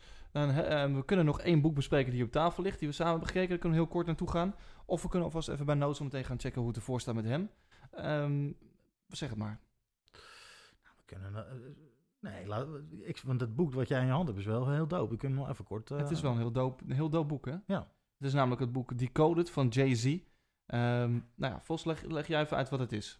Nou, het, het is een boek... ehm, trouwens het boek wat ik mee heb genomen trouwens. Ja, nee, ja, maar Ja, ik, ik, heb hem, ja. ik heb hem ook thuis. Ehm, het is een boek van Jay-Z eh, over Jay-Z. En eh, wa- wat ik met name heel tof vind aan dit boek, is dat hij eh, dat heel duidelijk wordt waar zijn lyrics over gaan. Of in ieder geval een aantal van zijn lyrics over gaan. Omdat hij heel erg uitgebreid uitlegt wat hij nou eigenlijk zegt en wat hij nou eigenlijk bedoelt met de lines die hij dropt. Soms dan hoor je lines van Jay-Z en die neem je gewoon voor waarheid aan. Maar daar zit ook nog een hele betekenis achter. Dat is natuurlijk logisch. Maar ja, als je die betekenis dan ziet, dan geeft het zo'n track nog meer gelaagdheid en nog meer Ja. diepgang. Ja, ja dat, het, is heel erg knap. Alle metaforen worden eigenlijk uitgelegd. Ja. Dus ehm, ehm, ja, maar ook persoonlijke notes, weet je wel, die, die je misschien niet weet, omdat dat iets is uit het privéleven of uit zijn privé dingen, die hij dan ook even toelicht, waardoor je nog meer eh, snapt waarom hij bepaalde dingen schrijft. ik vind het echt een luisterboek. En daarmee bedoel ik eigenlijk, je kan letterlijk de tracks erbij pakken die Jay-Z heeft gemaakt. Je kan ze Ja. gewoon zijn albums erbij pakken, want het staat er ook gewoon bij. Ehm, ehm, ehm, en dan kan je het luisteren en dan kan je inderdaad gewoon lezen wat daarmee bedoeld wordt. Dit is wel echt een beetje, als je het hebt over hip-hop nerds, dan is dit wel een boek Nee, voor de echte ja, hip-hop nerds. Ja, absoluut. Kijk, het boek heet ook Decoded. Eh, ja, in het boek worden zeg maar zijn rijms decoded, weet je, ontcijferd. En dat is wat hij, eh, dat is wat hij doet. Hij geeft ons een kijkje achter de schermen. En, eh, en eh, ja, ik, ik kan hier heel erg van genieten, omdat dit, ja, dit is gewoon een soort van, ja, Het is het echte, ja, de, een, een, een soort bijbel. ja bijna wel hè? Ja. Ja. Voor, Decoded. eh, voor, voor de hip-hop, voor de hip-hop nerd. Ja, dat is wel echt zo. Ja, ik ben toevallig een boek aan het lezen. Nou, dat is niet dit boek, maar dat heet Nerds. Van onder andere eh, Emilio Guzman. Ja. En daar worden zeg maar de soorten nerds eh, omschreven. En waar het vroeger een soort van een, een, een, een, eh, scheldnaam was. Jij bent een nerd, hè, hè. Je ziet eigenlijk nu dat heel veel mensen... Wij zijn ook gewoon nerds. Jij loopt, daar komen we straks nog wel op, in een, in een Wu-Tang t-shirt. Ehm, ehm, ik loop ook vaak en dat soort dingen. Ehm, wij duiken dus als nerds in dit soort boeken. Ja. Het komt uit en je moet het meteen hebben. ja. Je zit erbij met je cd-spelertje om het, de cd-speler aan en uit te zetten. Dus, dus met trots kunnen we wel zeggen dat wij in ieder geval hip-hop nerd zijn. Ja. Heel tof. Decoded. Echt een aanrader van de doopste songs van, van, van Jay-Z. En eh, heel mooi naslagwerk. En dan gaan we kijken bij Noot. Ja, wat Noot? Eh, je bent alweer een tijdje op je pads aan het eh, slaan. Ehm, en wij zijn natuurlijk hier aan deze kant wel benieuwd. Ja, wij hebben net al heel veel besproken. Maar ja, het is, het is wel tijd even om te kijken hoe, hoe het is. Heb jij al iets in elkaar weten te zetten met je favoriete ethisch track? Nou ja, het is wel een eh, pijnlijk proces, ja. Eh, ik heb wel, ja, nou ja, ja kijk, het- ik ben weer daar waar ik wel eens vaker ben op dit punt. Dus eh, ja, de drums zijn er. ja. Ah, nice. En ik, eh, ik heb een beetje meegekeken op de klok. Dus ik, ik meen dat ik al op een minuut of 40 zit. Ja, maar daarom. Wij, wij, zitten hier, eh denk je, in ieder geval vijftientjes in de pot. Daar zit ik nu. Nee, ik ben echt eh, met terugwerkende kracht ook echt super blij dat eh, zeg maar met de komst van een ethisch track om te samplen de stakes naar 50 euro zijn verhoogd. ja, dat is echt eh wauw. Ja. Is het, eh, is het al, kan je al iets laten horen aan ons? Ja, zeker. Ja, en, dat wordt even de, de drumbeat en daar zit wel al iets van eh, de originele track in eh, verwerkt. Maar is het dan ook echt zo, omdat jij gewoon niks met deze soort muziek hebt, dat het voor jou moeilijk is om daar ook iets een fantasie bij te krijgen? hoe, ja, hoe ik het denk zou wel dat kunnen het, klinken? Ik denk wel dat het zo werkt, ja. Ik, Maar is het, zie je dan ook de uitdaging? Jawel, jawel.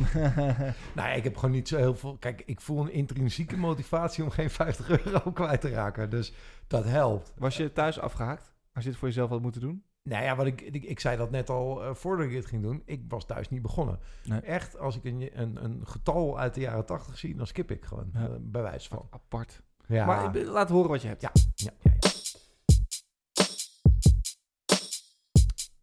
Hij zijn drums. Komen niet uit die track. Deze wel. Dit wel. Ja. En ik denk dat zometeen nog een dingetje komt.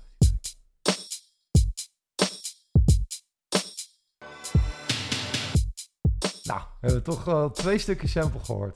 Nou, Noot, ik moet zeggen, ehm, ehm, is het niet een beetje vals spelen? Wat dan? Ja, je hebt wel iets van die track erin Nee, verwerkt. dit is nog niet genoeg. Eh, laat- Want dit, dit is, dit, dit, dit... Nee, laat voorop staan. Ik, eh, mag- ik ga ondertussen alvast even een pot zoeken hoor, want... Luister, ehm, als dit het eindproduct is, als dit het eindproduct Ja. is, Ghost, en ik heb dit van de sample gebruikt en meer niet, dan mag je mij gewoon 50 euro vragen. Ja. Dus dit, ik ben hier ook niet happy mee. Maar kijk, het ding is, ik moet meters maken. En ik moet altijd eh, drums maken. Die moeten er zijn. Dus als ik op een gegeven moment even vastloop met een sample uit de jaren 80, dan Even kan ik... vastloopt. Ik heb nog helemaal geen sample gehoord van de jaren 80. Nee, Nee, nee. ik ben een beetje streng. Ik ben een beetje Dat streng. is goed, Dus dat mag ook. aflevering 4. Dat mag ook. Maar ja, nee, ja, goed. Ik heb nog 20 minuten. Het moet nu gaan gebeuren in de komende 20 minuten. Simpel als dat. eh, daar gaan we, Noot. Je zal de tijd hard nodig hebben, want... eh, ja, ik weet het niet. Ik weet het niet. Vos, wat, wat, wa- waar ben jij met, eh, met je mening over deze? Nou ja, ik, eh, ik, ik heb in ieder geval nog geen inspiratie voor bars eh, na dit gehoord te hebben. Janke Nee. Balk. Ehm, ik, ik, ik ben benieuwd. We houden de tijd bij. Ik ben ondertussen even de klok aan het aanzetten. Ja. En eh Noot, die gaat dan, die voelt, ik voel dat hij de druk voelt om, eh, om, om er hier iets van te gaan maken. Ja. Daar ben ik alleen maar blij mee. Ehm, ehm, ondertussen dan gaan wij eventjes kijken wat ik onder, even onder in die tas heb zitten. Want daar zit, daar zit een of ander t-shirt. Maar wel van mijn favoriete groep. Ja. Het is namelijk eh, een t-shirt van de Wu-Tang Clan. Ja, Jij hebt ook een trui aan van Wu-Tang. tuurlijk. Heb ik, En even ik heb- speciaal voor de gelegenheid even aangedaan. En ik heb het niet speciaal voor de gelegenheid, maar als mensen een keer naar mijn riem willen kijken, zien ze dat ik een Wu-Tang riem heb. En een Wu-Tang backpack is de backpack. Ja. Nee, Ehm, dit, is, dit is jouw item. Nou, eh, eh, kijk, eh, ik, ik ben natuurlijk naast eh hip-hop head ben ik ook fan van eh, metal en eh, hardcore punk. Eh, en ik zie tussen die twee stromingen, zeg maar metal en hardcore aan de ene kant en hip-hop aan de andere kant, zie ik heel veel overeenkomsten. Eh, een do-it-yourself mentaliteit, een trouwe fanbase. eh, ja, beide genres zijn eigenlijk een soort van underdogs die tegen de gevestigde orde ingaan. En ook qua shows zie ik redelijk wat, ja, wat overeenkomsten. Ik bedoel, moshpits, publieke participatie, rauwe passie. Ehm, maar ik zie ook één heel groot en toch een beetje gek verschil tussen metal en hardcore aan de ene kant en hip-hop aan de andere kant. En dat is de merchandise. Mm. Als ik naar een show ga van eh, een metal act of een hardcore act of een punk act, dan, eh, nou, dan, in de lobby of zeg maar, of ja, weet je, waar je binnenkomt of, of achter in de zaal heb je een soort marktkraam eh, met 20 t-shirts, 30 truien, eh, hele bakken met cd's. Je kan alles van ze kopen, zeg maar, petjes, polsbandjes, alles. Ehm, maar als ik naar een EPMD ga of naar een Das Effects, nou, dan kan ik misschien nooit een shirt kopen of één shirt hebben ze dan bij zich. En ehm, ja, dat, dat begrijp ik niet helemaal. En, en, en ja, ik vraag me dus af, zijn we dan in hip-hop niet bereid om merchandise te dragen? Mm. Is dat het? Eh, willen we niet een trui van Gangstar aan?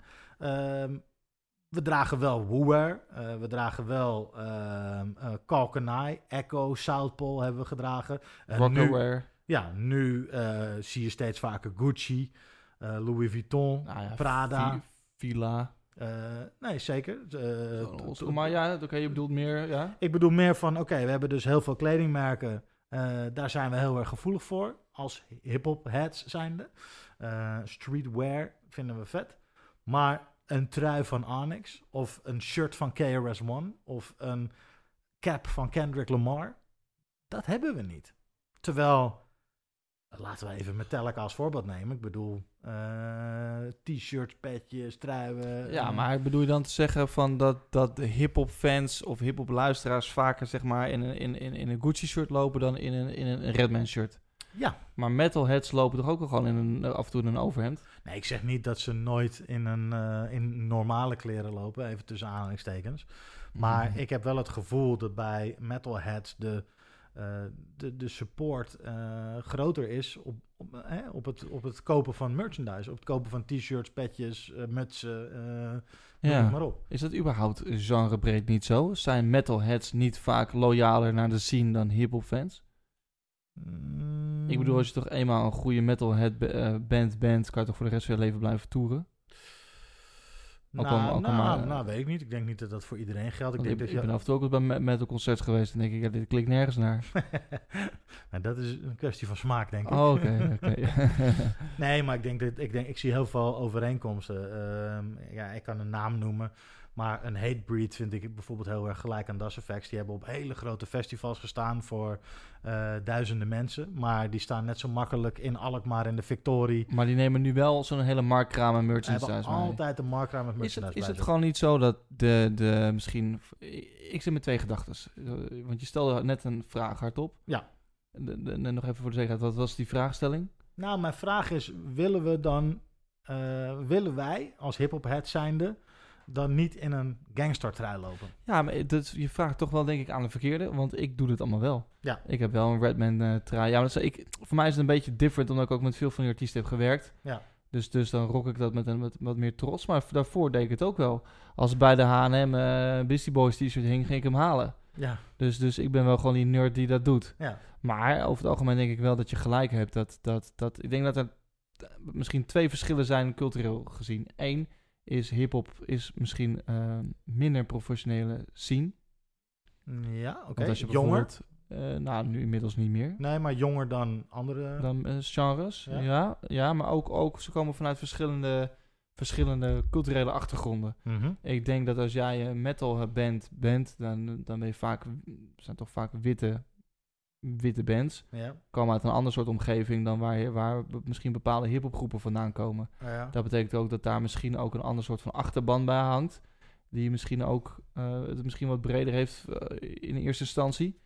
Ehm, ehm, aan de andere kant, eh, ja, misschien ook met die loyaliteit te maken. Maar zou dat kunnen wat ik zeg, dat het de culturele achtergrond misschien een verschil maakt in, daarin? ja, nou ja, of ja. Kijk, het is En natuurlijk... vooral, oké. Ja, maak dit af. Sorry, want ik had maar mijn volgende punt ook al zeggen. Ja, Misschien kan ik die ook als eerste doen. Ik denk vooral dat het ook met professionaliteit te maken heeft. Eh, dus ik, de- ik, ik heb getoerd met Met the Man en eh Wu-Tang en zo. En bij Met the Man hebben eh, gasten van de crew wel merchandise bij zich. En die verkopen die shirts ook. Maar daar komt wel heel veel bij kijken. En ik denk dat bij, bij veel rappers, eh, met, vooral met groepen die niet zo groot zijn als een Jay-Z. Want dan, als je bij een Jay-Z bent, heb je wel gewoon die, die marktkramen. Verschillende ook door, door, door de Ziggo Dome of door de Arena staan. Ik denk dat een bepaald genre eronder die investering niet wil maken om dat allemaal mee te nemen om te verkopen. Ik denk dat dat er gewoon mee te maken heeft. Dat ze gewoon niet de moeite per se willen doen. ja. Nee, dat, dat, ja, maar terwijl, dan, dat de, er ligt natuurlijk een hoop geld in, eh, in merchandise. Ja, maar je moet ook investeren om iemand mee te nemen. Ja. Eh, om dat allemaal te bestellen. Je moet heel veel import betalen. Eh sommigen laten het hier wel drukken. Er is al een tijd ge- geweest dat het wel kon, maar ook niet heel veel va- variabelen dan in de merchandise. Dus vaak inderdaad één soort t-shirt wat je dan kon kopen. Ja, Eh, maar is het, ik denk bij, bij, ja, als wij bij hip-hop events waren waar dat wel was, werd er dan heel veel verkocht? nou ja, ik denk dat er bepaalde acts zijn die heel goed hebben gekeken naar eh, hoe de metal scene het doet. Laat ik even als voorbeeld Ozro Possi nemen. Eh, die hebben toch altijd een, een soort postorderbedrijf gehad en hadden wel altijd die markkraam. En eh, er was een tijd dat iedereen in Osdorp Possie t-shirts liep. En jassen, en truien, en eh, mutsen, en petten. Alles. Alles. Ehm, en natuurlijk, dat, was, dat, wa dat waren hun hoogtijdagen, maar ja, zij hadden dat wel allemaal. En ik denk dat zij heel goed hebben gekeken naar hoe metal wat deed. En, en daar gewoon, zij hebben daar inderdaad, dus wat je zegt, dat klopt wel. Ze hebben daar natuurlijk in geïnvesteerd. Eh, iemand van de crew heeft zich daar druk om gemaakt en heeft gezegd: Oké, dit is wat we moeten doen. En eh, we moeten ontwerpen hebben en het moet op t-shirts en, eh, en daar moeten we voor gaan. En als jij, jij, bent- jij gaat naar hip-hop of naar hip-hop shows en naar metal concerten, is het publiek anders? Is, het, zit er verschil in? Nee, nee, nee. Wat ik zie is, is om, als, ik om, als ik om me heen kijk, zie ik liefhebbers. Mensen die gewoon vol voor die muziek gaan. Maar verschillende soorten portemonneeën zit ik eigenlijk, was ik benieuwd naar. Nou ja, dat zie ik eigenlijk ook niet echt. Hm. Ik bedoel, hardcore is ook, eh, ja, zeg maar, is ook working class music, zeg maar. Ja, maar als wij bijvoorbeeld bij een show waren in de Q-Factory waar wel merchandise was, met, ik weet even niet meer wie dit was, waar jij ook je cd stond, stond te verkopen. Met non-fiction. Non-fiction, daar werden ook niet heel veel t-shirts verkocht. Nee, Dat, maar, nee, dat maar, het publiek dat niet doen. nee, maar dat is ook, zeg maar, ja, één shirt. En het was één keuze volgens mij, wat ze te bieden hadden. Ja, als je dat één... Nee, wie stond er nog meer? Maar die Illegal bedoel ik ook, die stond toen in de zaal. Daar lag, er waren ook allemaal pads en dat soort dingen. Doppelgangers? Doppelgangers. Ja. Ja, klopt. Ja, nou ja, misschien omdat ze... Ja, dat weet ik. Ik kan natuurlijk niet beoordelen waarom mensen die merch niet kopen. Maar dat is ook een beetje de vraag die ik heb van... Ja, ja mijn analyse was ook... Kijk, bij metal is het zo... dat heel veel eh, bands... eh, heel veel zangers, gitaristen... dragen zelf ook merch van andere bands. Dus... eh, er zijn gewoon bands groot geworden omdat James Hetfield van Metallica En die shirts droeg. Een shirt daarvan droeg. Ja. Ja. En Eminem zei dat laatst in die podcast met Royce ook, dat hij dat vaak deed. Dat hij bepaalde shirts niet draagt Ja. om mensen te inspireren en te laten zien van, Ja. hey, dit moet je checken. En, En, ja, Eminem, die, die, die, hij had bijvoorbeeld bij, in toen ik naar hem toe ging eh, in Nijmegen, toen had hij een shirt aan van een albumhoes van KRS-One. ja, Eh, ik herkende het gelijk, maar het- het- dat is wel tof dat hij op die manier ook die artiest de shine probeert te geven. Maar ik denk dat dat een, een wezenlijk verschil is. Als jij je favoriete artiesten ziet in merchandise van andere bands, dan ga je automatisch die merchandise ook dragen. Als jij ziet dat jouw favoriete artiesten Gucci rocken, eh, eh, Prada, Louis Vuitton, weet ik veel, dan snap ik dat je eerder geneigd bent om dat ook te gaan rocken. Mm. Dus wellicht is het feit dat een rolmodel eh, het, het voorbeeld geeft, ja, dan, dan, dan volg je dat. ja, en in hip-hop is sowieso ook wel verbonden vaak aan status. Zeker. Dus als je geld maakt en je Zeker. maakt dingen, dan wil je ook dingen kopen wat, wat anderen niet kunnen kopen, omdat je jezelf dan op een hoger platform zet. Ja. Eh, binnen metal is dat niet. Dan Nee. is die, verhelder, die, die, die, ja, die, die verheerlijking, eh, zelfverheerlijking qua geld en het moeten rijden in, in een Bentley of whatever, dat, dat is er minder. Sterker nog, de- het geeft zelfs een beetje een vieze nasmaak als een, eh, als een band daarover, ja, eh, ja dus, dan is, het- dus dan is het ook tof voor om gewoon in een zwart t-shirtje te lopen. Ja, zwarte Want broek, dan ben je gewoon normaal, gewoon- ja, gewoon precies. middenklas eh, Exact. uitstraling. En bij hip-hop willen, de, de, de sterren zelf en ook heel veel fans Ja. eigenlijk eh, meer met, lopen ze met heel veel goud, terwijl dat ze gewoon in een huur, sociale huurwoning zitten. ja, nou sterker nog, veel van het goud wat ze dragen is, eh, is vaak geleased of zo, weet je wel. Is, Ja. is voor de videoclip even gehuurd ja, van de maar ik heb het ook juwelier. over de fans, bedoel ik. Nee, nee, 100%. Ja, nee, Ja. dat snap ik. Dus, dus nee, maar om aan te geven dat de artiest zelf heeft vaak ook d- dat, goud niet, eens. Nee. Eh, voor de fotoshoot en voor de clip wordt het dan... maar maar, eh, maar zou, dat- zou dat ermee te maken kunnen hebben? Ja. Dat je dan misschien liever met een gouden ketting loopt dan in een t-shirt van Non-Fiction? Ja, denk het wel. Ja. Ja. dat is wel interessant. Ja. Want ook bij Exhibit, daar was ook iemand mee speciaal voor de merchandise. En daar werd we hebben toch wel wat verkocht. Maar inderdaad, de variaties bij hip-hop zijn gewoon wat minder. Het is dan wel een shirt met Exhibit erop. Ja, maar that, that's it. Ja, Dus hij heeft dan één smaakje of zo.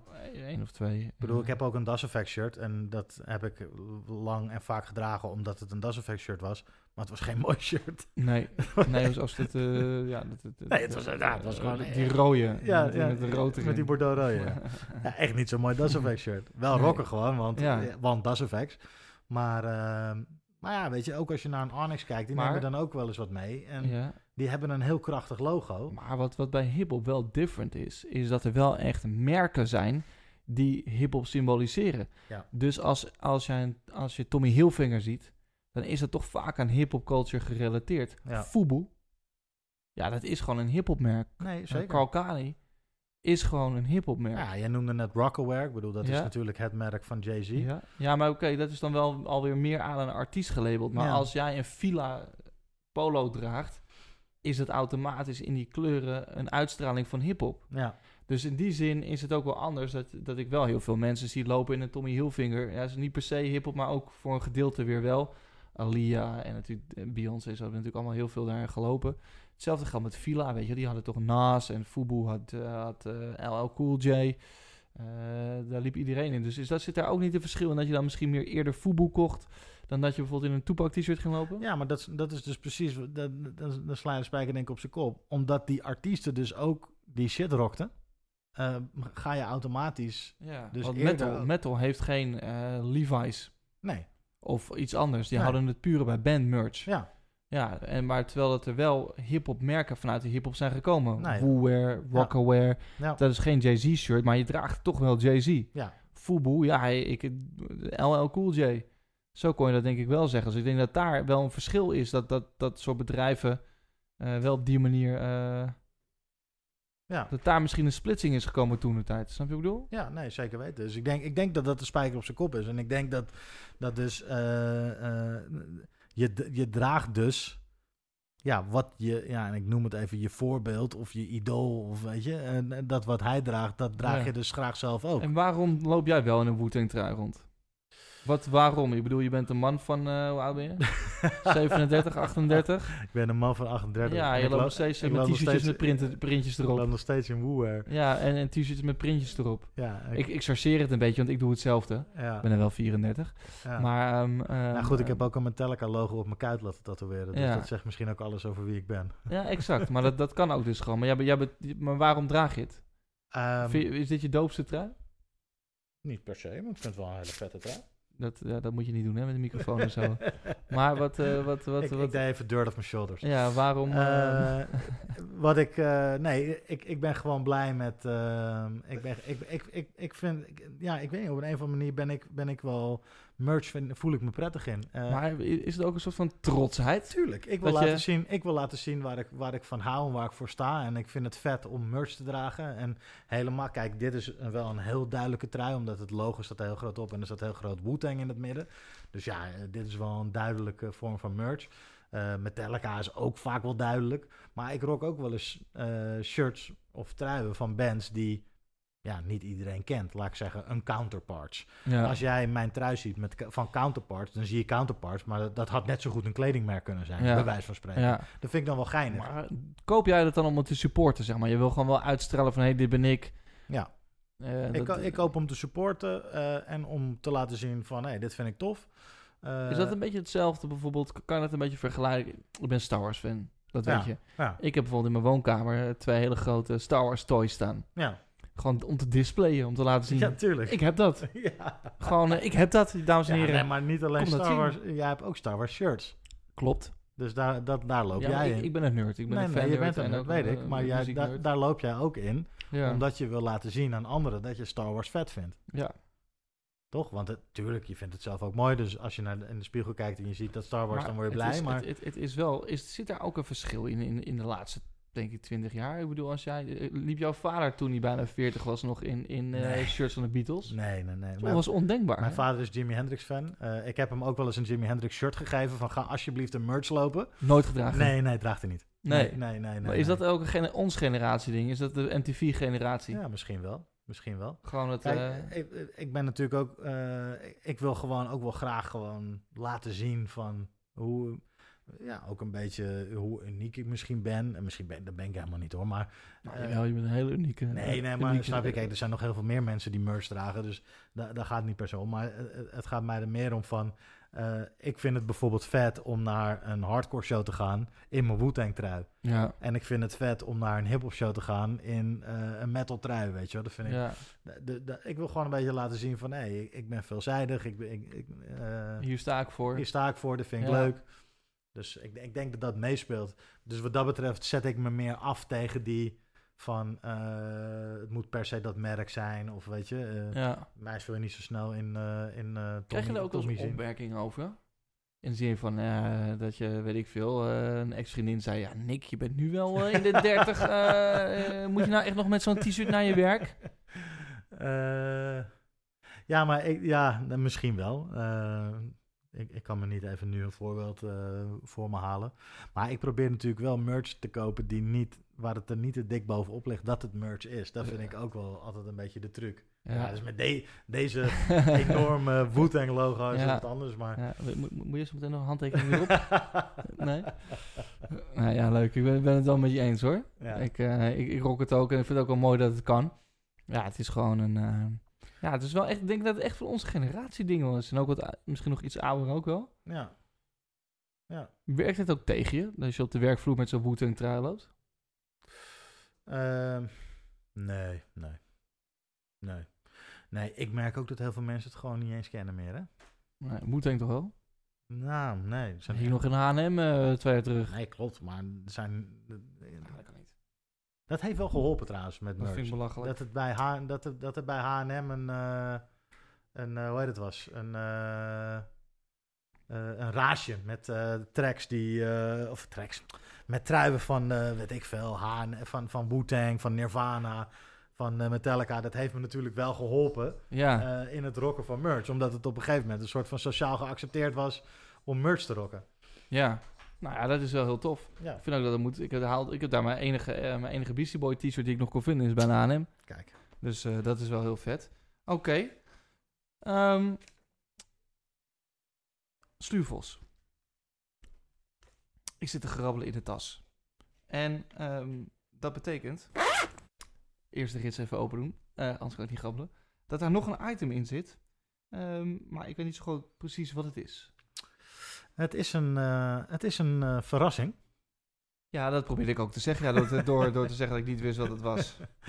het is een nieuwe plaat. Jouw nieuwe plaat. Nee, Oh. geintje. Het is eh, het concept verrassingsplaat.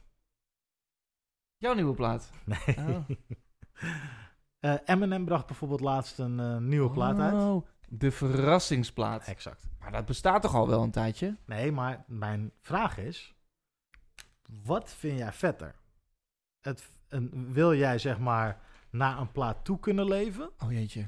Dus eh, een singeltje warm gemaakt worden, nog een singeltje nog warmer gemaakt worden. En dan er naar uitkijken, weten van oké, over, een eh, we- over een maand komt hij uit. En dan aftellen. En dus dat. Ja? Of in één keer van de een op de andere dag, zonder dat je het weet, de nieuwe plaat van Eminem, Music to be Murdered by Bam, hier is hij. Nou, als ik heel eerlijk ben, dan is het meer dat ik weet dat er, dat er een datum aan de horizon staat. Ik kijk nog steeds aan naar Detox. maar die heeft geen datum. Nee, oké, maar ik, je weet dat die ooit gaat komen, bij spreken, weet je. Dus, dus, dus daar kijk ik wel naar uit. Ik vind die verrassingsplaten soms lastig te measuren, te meten met mijn leven. Ja. En dus dat betekent ook dat... ehm, ehm, ehm, ja, ik, als die Eminem-plaat uitkomt, ja, dan, dan, dan heb ik het heel druk dat weekend en dan kan ik er niks mee. ja Dus ik kan, dan heb ik gewoon geen tijd om het te luisteren en dan vind ik het irritant dat ik er niet kan luisteren en dan vergeet ik het en dan zijn we twee weken ja, verder. En dan gaat het aan je voorbij. Ja, dan heb ik die plaat nog steeds niet geluisterd. Terwijl als je weet van, hé, hey, die nieuwe Jay-Z-plaat komt op eh, dan en dan uit. Ja, dan zit je gewoon, dan, dus, zoals jij elke vrijdag klaar zit voor New Music Friday, Ja, dan zit ik te wachten totdat het vrijdag is en een plaat komt uit. Dus, maar dat, werkt, dat zegt wat meer over mij ja. ehm, dan daarover. Wat ik wel heel vet vind, is, maar nu gebeurt het wat vaker. eh, die laatste keer, dat, of die Kamikaze die uit het niks kwam van Eminem. Toen dacht ik wel van, wow, wat vet. En nou, er werd wel een beetje van tevoren geteased. Ge- met, met, met, met foto's en dat soort dingen. Ja, dus je wist dat er iets kwam. Suggesties, En ja. dan komt er spanning en dan zitten jij en ik elkaar te appen of op te bellen. En je hebt het met andere mensen over ja, heb je dat gezien van Eminem? En wat zou dat betekenen? En hoe kan dit? Hé, hey, er staat een telefoonnummer op. Wat betekent dat telefoonnummer? Dat vind ik wel heel tof. Ja, maar dan, dan heeft hij toch wel een soort van aankondiging Ja. gedaan. Een soort van ja, dat heb ik nodig. spanningsopbouw. Ja, heb ik nodig. Die music, die murder, murder by music ding. Eh, Music to be murdered by. ja, ja. ik heb hem nog steeds niet helemaal afgeluisterd. Nee, nee Komt ja. gewoon omdat hij niet op mijn radar staat. ja. Dus ik heb het wel veel over gehad. Ik heb bepaalde tracks geluisterd. Hetzelfde met het Royce the 5-9 ding. Jij stuurt mij dan dat linkje. En ik zit gewoon in mijn leven, bro. Ik zit gewoon in mijn leven.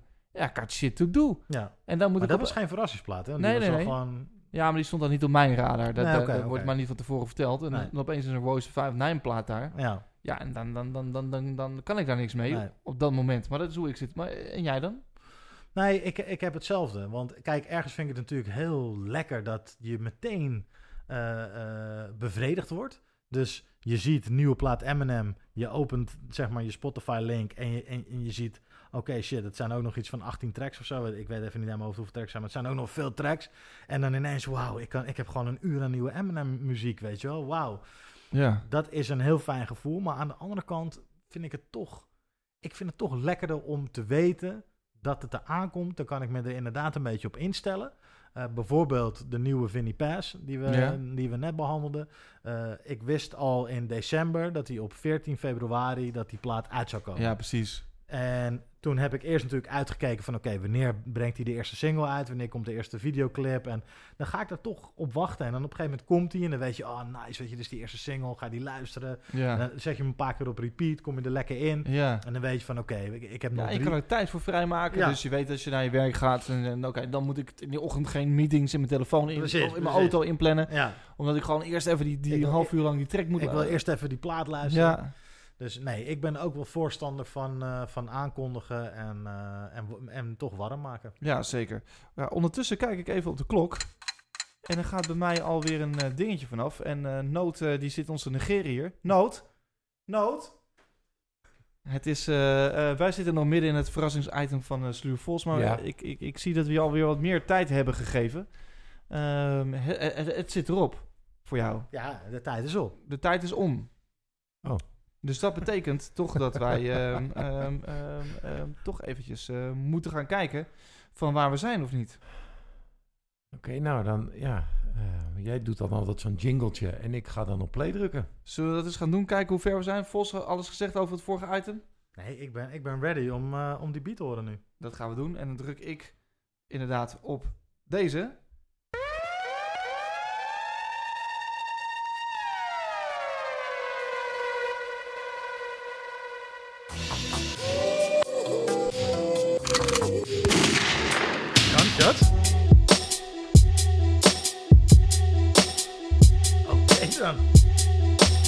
Had ik niet verwacht dit. Dit is wel beter dan wat de eerste hoorde noot. Oh, dat is die 80 sample. Ik had het niet verwacht.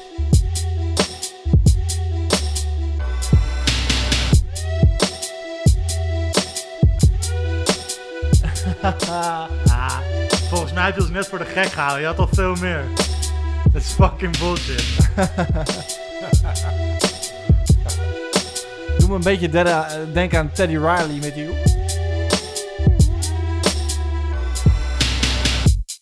Ja, noot. Ja hoor, lekker, dames en lekker, heren. lekker, lekker. We hebben weer een, eh, weer een klapper van de beatbakker. Ja, ik had wel al een, die sample een beetje.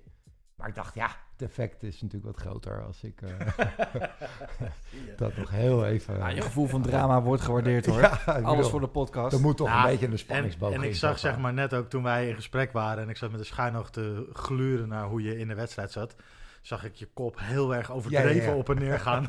dus toen wist ik al van, ah, dat komt wel goed. Hey, en, eh, en, en, en, en noot.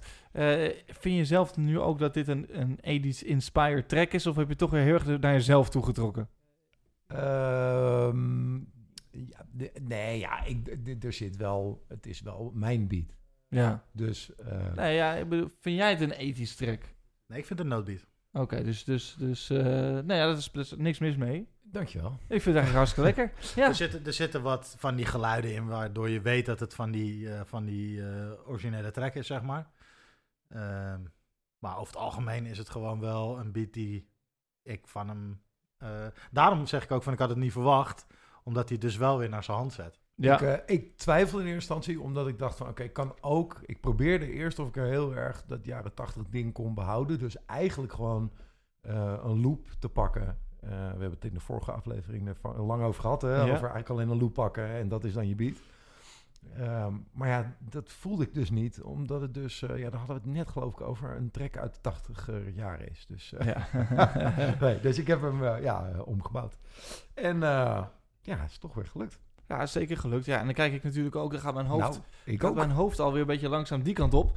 En Oh. ehm ehm Sluurvos. Ja, een ethisch track, dat, dat, dat betekent ook dat er een ethisch inspired tekst bij komt. Nou, dat weet ik niet. Ehm, ik, vooralsnog vind ik het vooral een noodbeat. En ja. ja, beginnen we mij de gebruikelijke dingetjes te borrelen. dingetjes te borrelen. Ja, want je kon niks laten borrelen natuurlijk op het moment dat je alleen maar die, die, ja, die, die Nee. drum hoorde een, een uur geleden. Of nou, wat is het? eh, Nou, ik, een half uur geleden? ehm, ik denk dat ik wel gewoon echt eventjes eh, even hip-hop shit ga maken. Oké. Ja, hip-hop zit, kind of what? Gewoon. Geen R&B course. Niet huilen. We gaan een keer We niet gaan, huilen. we gaan niet huilen. We gaan even een paar, eh, even een paar punchlines doen, denk ik. Is het gewoon een beetje Vinnie Pass inspired? Een beetje Vinnie Pass inspired. We, hebben, we zitten al best wel op die echte hip-hop shit. We hebben Onyx al besproken. We hebben Vinnie hebben we besproken. We hebben het net gehad over merchandise rocken. En eh, Ja. ja. in die hoek ga ik, eh, ga ik me begeven. Oké, nou, uh, Vos, pak je notitieblok erbij. Ja, Ga gewoon aan de slag. Dan gaat Nood zorgen dat jij die beat lekker op je hoofd kan zetten. En eh de geluisteren, dat gebeurt hier natuurlijk allemaal. Ehm, eh, ik ben wel benieuwd wat er gaat komen. Want ik vind wel ook, ehm, jij hebt gezegd ik leg vijf tientjes in en ik ga korter schrijven. Normaal heb je een half uur ervoor of hou je dat, heb je dat half uur toch wel een nodig? half uur heb ik natuurlijk altijd nodig. Ja, Ik zei net een beetje, een beetje hè, onder ons, want dat heb ik niet gezegd toen de microfoon aanstond. Onder ons deed ik een beetje stoer en zei ik dat ik in een kwartier klaar wilde zijn. dus, dus oké, laat het zo zeggen. Ik ga timen, dat is wat ik hier doe. Ik heb hier gewoon de klok. Kijk maar, je kan ik gewoon aanzetten. Dus die heb ik alvast gestart terwijl wij nog even praten. Ehm, ehm, laten we zeggen, als jij binnen een kwartier niet al eh, ons paar serieuze bars kan laten horen, of in ieder geval een indicatie kan geven, dan gaan er alvast 25 eh, euro eh, de pot in. Eh, Acht bars, acht bars binnen 25. ja, maar ik ga het nog niet verklappen.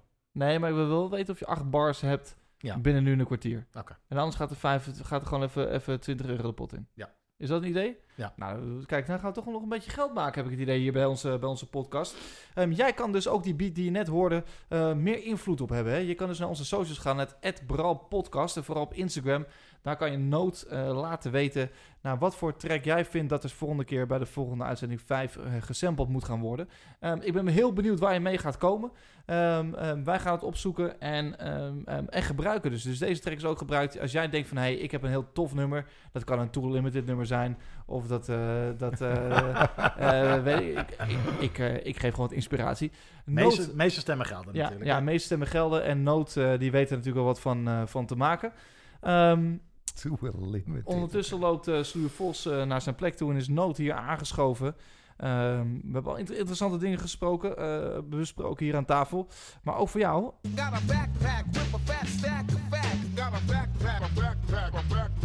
Got Nou goed, Vos is dus even uit, eh, uitgetuned van, eh, van de tafel om mee te praten. Mhm. Maar ik heb hier iets in de rugzak zitten en ik weet niet zo goed wat ik ermee moet. Het is een Radio 538 sticker. Heeft dat met, met onze eh, oude radioshow te Nee, maken? nee, het is wel grappig dat het, inderdaad dat gesprek daar eerder op gekomen is. Nee, de sticker staat symbool voor mainstream, mainstream media. Hoewel ik die term altijd wel een beetje vies vind. Ehm, waar ik het over wil hebben met je Ghost is, eh, wat is nou eh, de, de, de- hoe komt het nou dat hip-hop, Ja. gewoon echte hip-hop, zo'n eh, rare verhouding heeft met de, de, de, de, de media eigenlijk. Met de, de gangbare Maar media. hoe, hoe bedoel je een rare verhaal? Wat bedoel nou, je? eh, eh, ja, nou, terecht dat je het vraagt. Een aantal voorbeelden. Ehm, volgens mij, eh, nee, nou, wanneer dit luistert, is afhankelijk van of dat wel of niet al live is. Maakt het niet zo heel veel uit. Het is meer voor een voorbeeld. eh, gaan we proberen om eh, de operazanger Ernst Daniel Smit binnenkort te laten rappen. Met een paar rappers als coach. Oké. We hebben een x aantal jaar terug allemaal kunnen genieten van Holland in the Hood. Oh ja, heb je ook gekeken? nou, ik heb het niet echt gekeken. Ik weet wel dat Willy Wartal daarin zat. En dat ze toen lekker gingen porren over de straat waar eh, Biggie was doodgeschoten in, in L.A. Dat, Ja. vond ik, dat vond ik persoonlijk vond ik dat classic tv. Ja, nou, we hebben het daar zo nog wel eventjes eh, wat verder over. Ehm, eh, verder is er op dit moment de laatste maanden, wat weer wat meer, zeg maar, opportun is, is dat drillrap zou ervoor zorgen dat er steekincidenten plaatsvinden. Hè? Dus de Ja. steekincidenten komen voort uit een Ja, cultuur wat- in... Want wacht, we gaan nu wel heel snel. Ehm, ehm, ehm, ehm, Nee, nee, nee. Het zijn even een aantal dingen. Ja? En ik wil niet per se zeg maar, die dingen allemaal los bespreken. Dat kan best. Maar waar het mij meer om gaat is... eh, en ik vind het interessant om het aan jou te vragen... als eh, eh, iemand die zich in de hiphop begeeft... en ook in de zakelijke eh, kant van, eh, van hiphop begeeft. Ik vind het zo interessant waarom... als we een keer wat over hiphop zien op eh, het publieke bestel... Hè, de, de, de Nederland 1, 2 en 3, de NPO-zenders... Of we lezen er wat over in de krant, of we zien er wat over eh, op het nieuws ja, dat het zo zelden eh, gaat over de kracht, de kwaliteit die het genre heeft. eh, en Ja, zo ik- vaak maar- gaat over de negatieve connotatie. ik weet niet of dat helemaal zo is. Ik wil daar even een kleine nuance in brengen als het Mhm. mag. Er zijn, ehm, ehm, de afgelopen jaren hebben we ook wel hele goede dingen gezien. Een, een goed voorbeeld daarvan, wat ik toch wel be- wil benoemen, is Ali B op volle toeren. Dat is gewoon een programma waar natuurlijk de oude Tros Classics, ehm, ehm, zoals Willeke Alberti en eh, eh, eigenlijk iedereen van de oude garde van muziek in Nederland, werden gekoppeld aan rappers. Ken je het? Zeker. Ja, En daar zijn natuurlijk ook heel veel creatieve nieuwe nummers uitgekomen, ook hits uitgekomen. zeker. En wat dat programma wat mij betreft wel heeft gedaan, dat, dat, dat zag ik ook bijvoorbeeld met een artiest als een Dickie Dex die bij Twist eh, Agency eh, heel erg lang heeft gezeten en waar we die groei mee hebben gemaakt naar het grote publiek. Ehm, dat hij- daarin zagen toen hij dat nummer met Boudewijn de Groot en Herman van Veen samen deed, dat je daar bijvoorbeeld wel echt in zag dat daar mensen in aanraking kwamen met een Dickie Dex en op die manier dus ook hip-hop leerden kennen. Ja. En ehm, ehm, daardoor was het ook een makkelijker instaplevel om bijvoorbeeld naar een concert van Digidex te gaan of van een Typhoon. eh, In het geval van de artiesten waar ik mee werk, dat je daar iets op kon terugzien. Ja, dan heeft het dus een soort eh, gateway-functie. En dat, Ja. dat is mooi. Als advocaat van de duivel zeg ik... hoeveel bleef er nog overeind van hip-hop in, eh, in, in dat programma? Ja, dat vond ik wel. Ja. Ja, er werd in gesampled. Ehm, ehm, ook andersom werd het ervaren. Hè. Dus, dus de rapper moest een, eh, een, een nummer pakken en eigenlijk opnieuw maken, eh, samplen, zowel beatwise als, als textueel-wise, om daar een nieuw nummer van te maken. Maar de muzikanten moesten ook een nummer van de rapper pakken, Ja. om daar weer een, een, hun eigen versie van te geven. Nu is het wel zo dat die nummers die die rappers hermaakten, altijd wel hits werden en andersom deed het niks. Nee. En dan zie je ook wel in dat een grote generatie niet weet om te gaan met hip-hop. Dat, daar, dat dat moeilijk te accepteren is. Maar het feit dat mensen daar wel mee bezig zijn en dat daar ook wel meer samenwerking uit zijn gekomen. Dat ook bijvoorbeeld een eh, Paul de Munnik samenwerkt met, met, met rappers of, of andere. Met Engel, eh, Tom- ja, met Diggy. En Thomas Akda die nu met sneller dan eh, een hit doet. Het is wel meer acceptabel geworden, waardoor je ook wel weer mainstream meer weet te bereiken. Had je vroeger ook al hoor. Had je ook een Brainpower die natuurlijk met Bluff al in, in die tijd iets deed.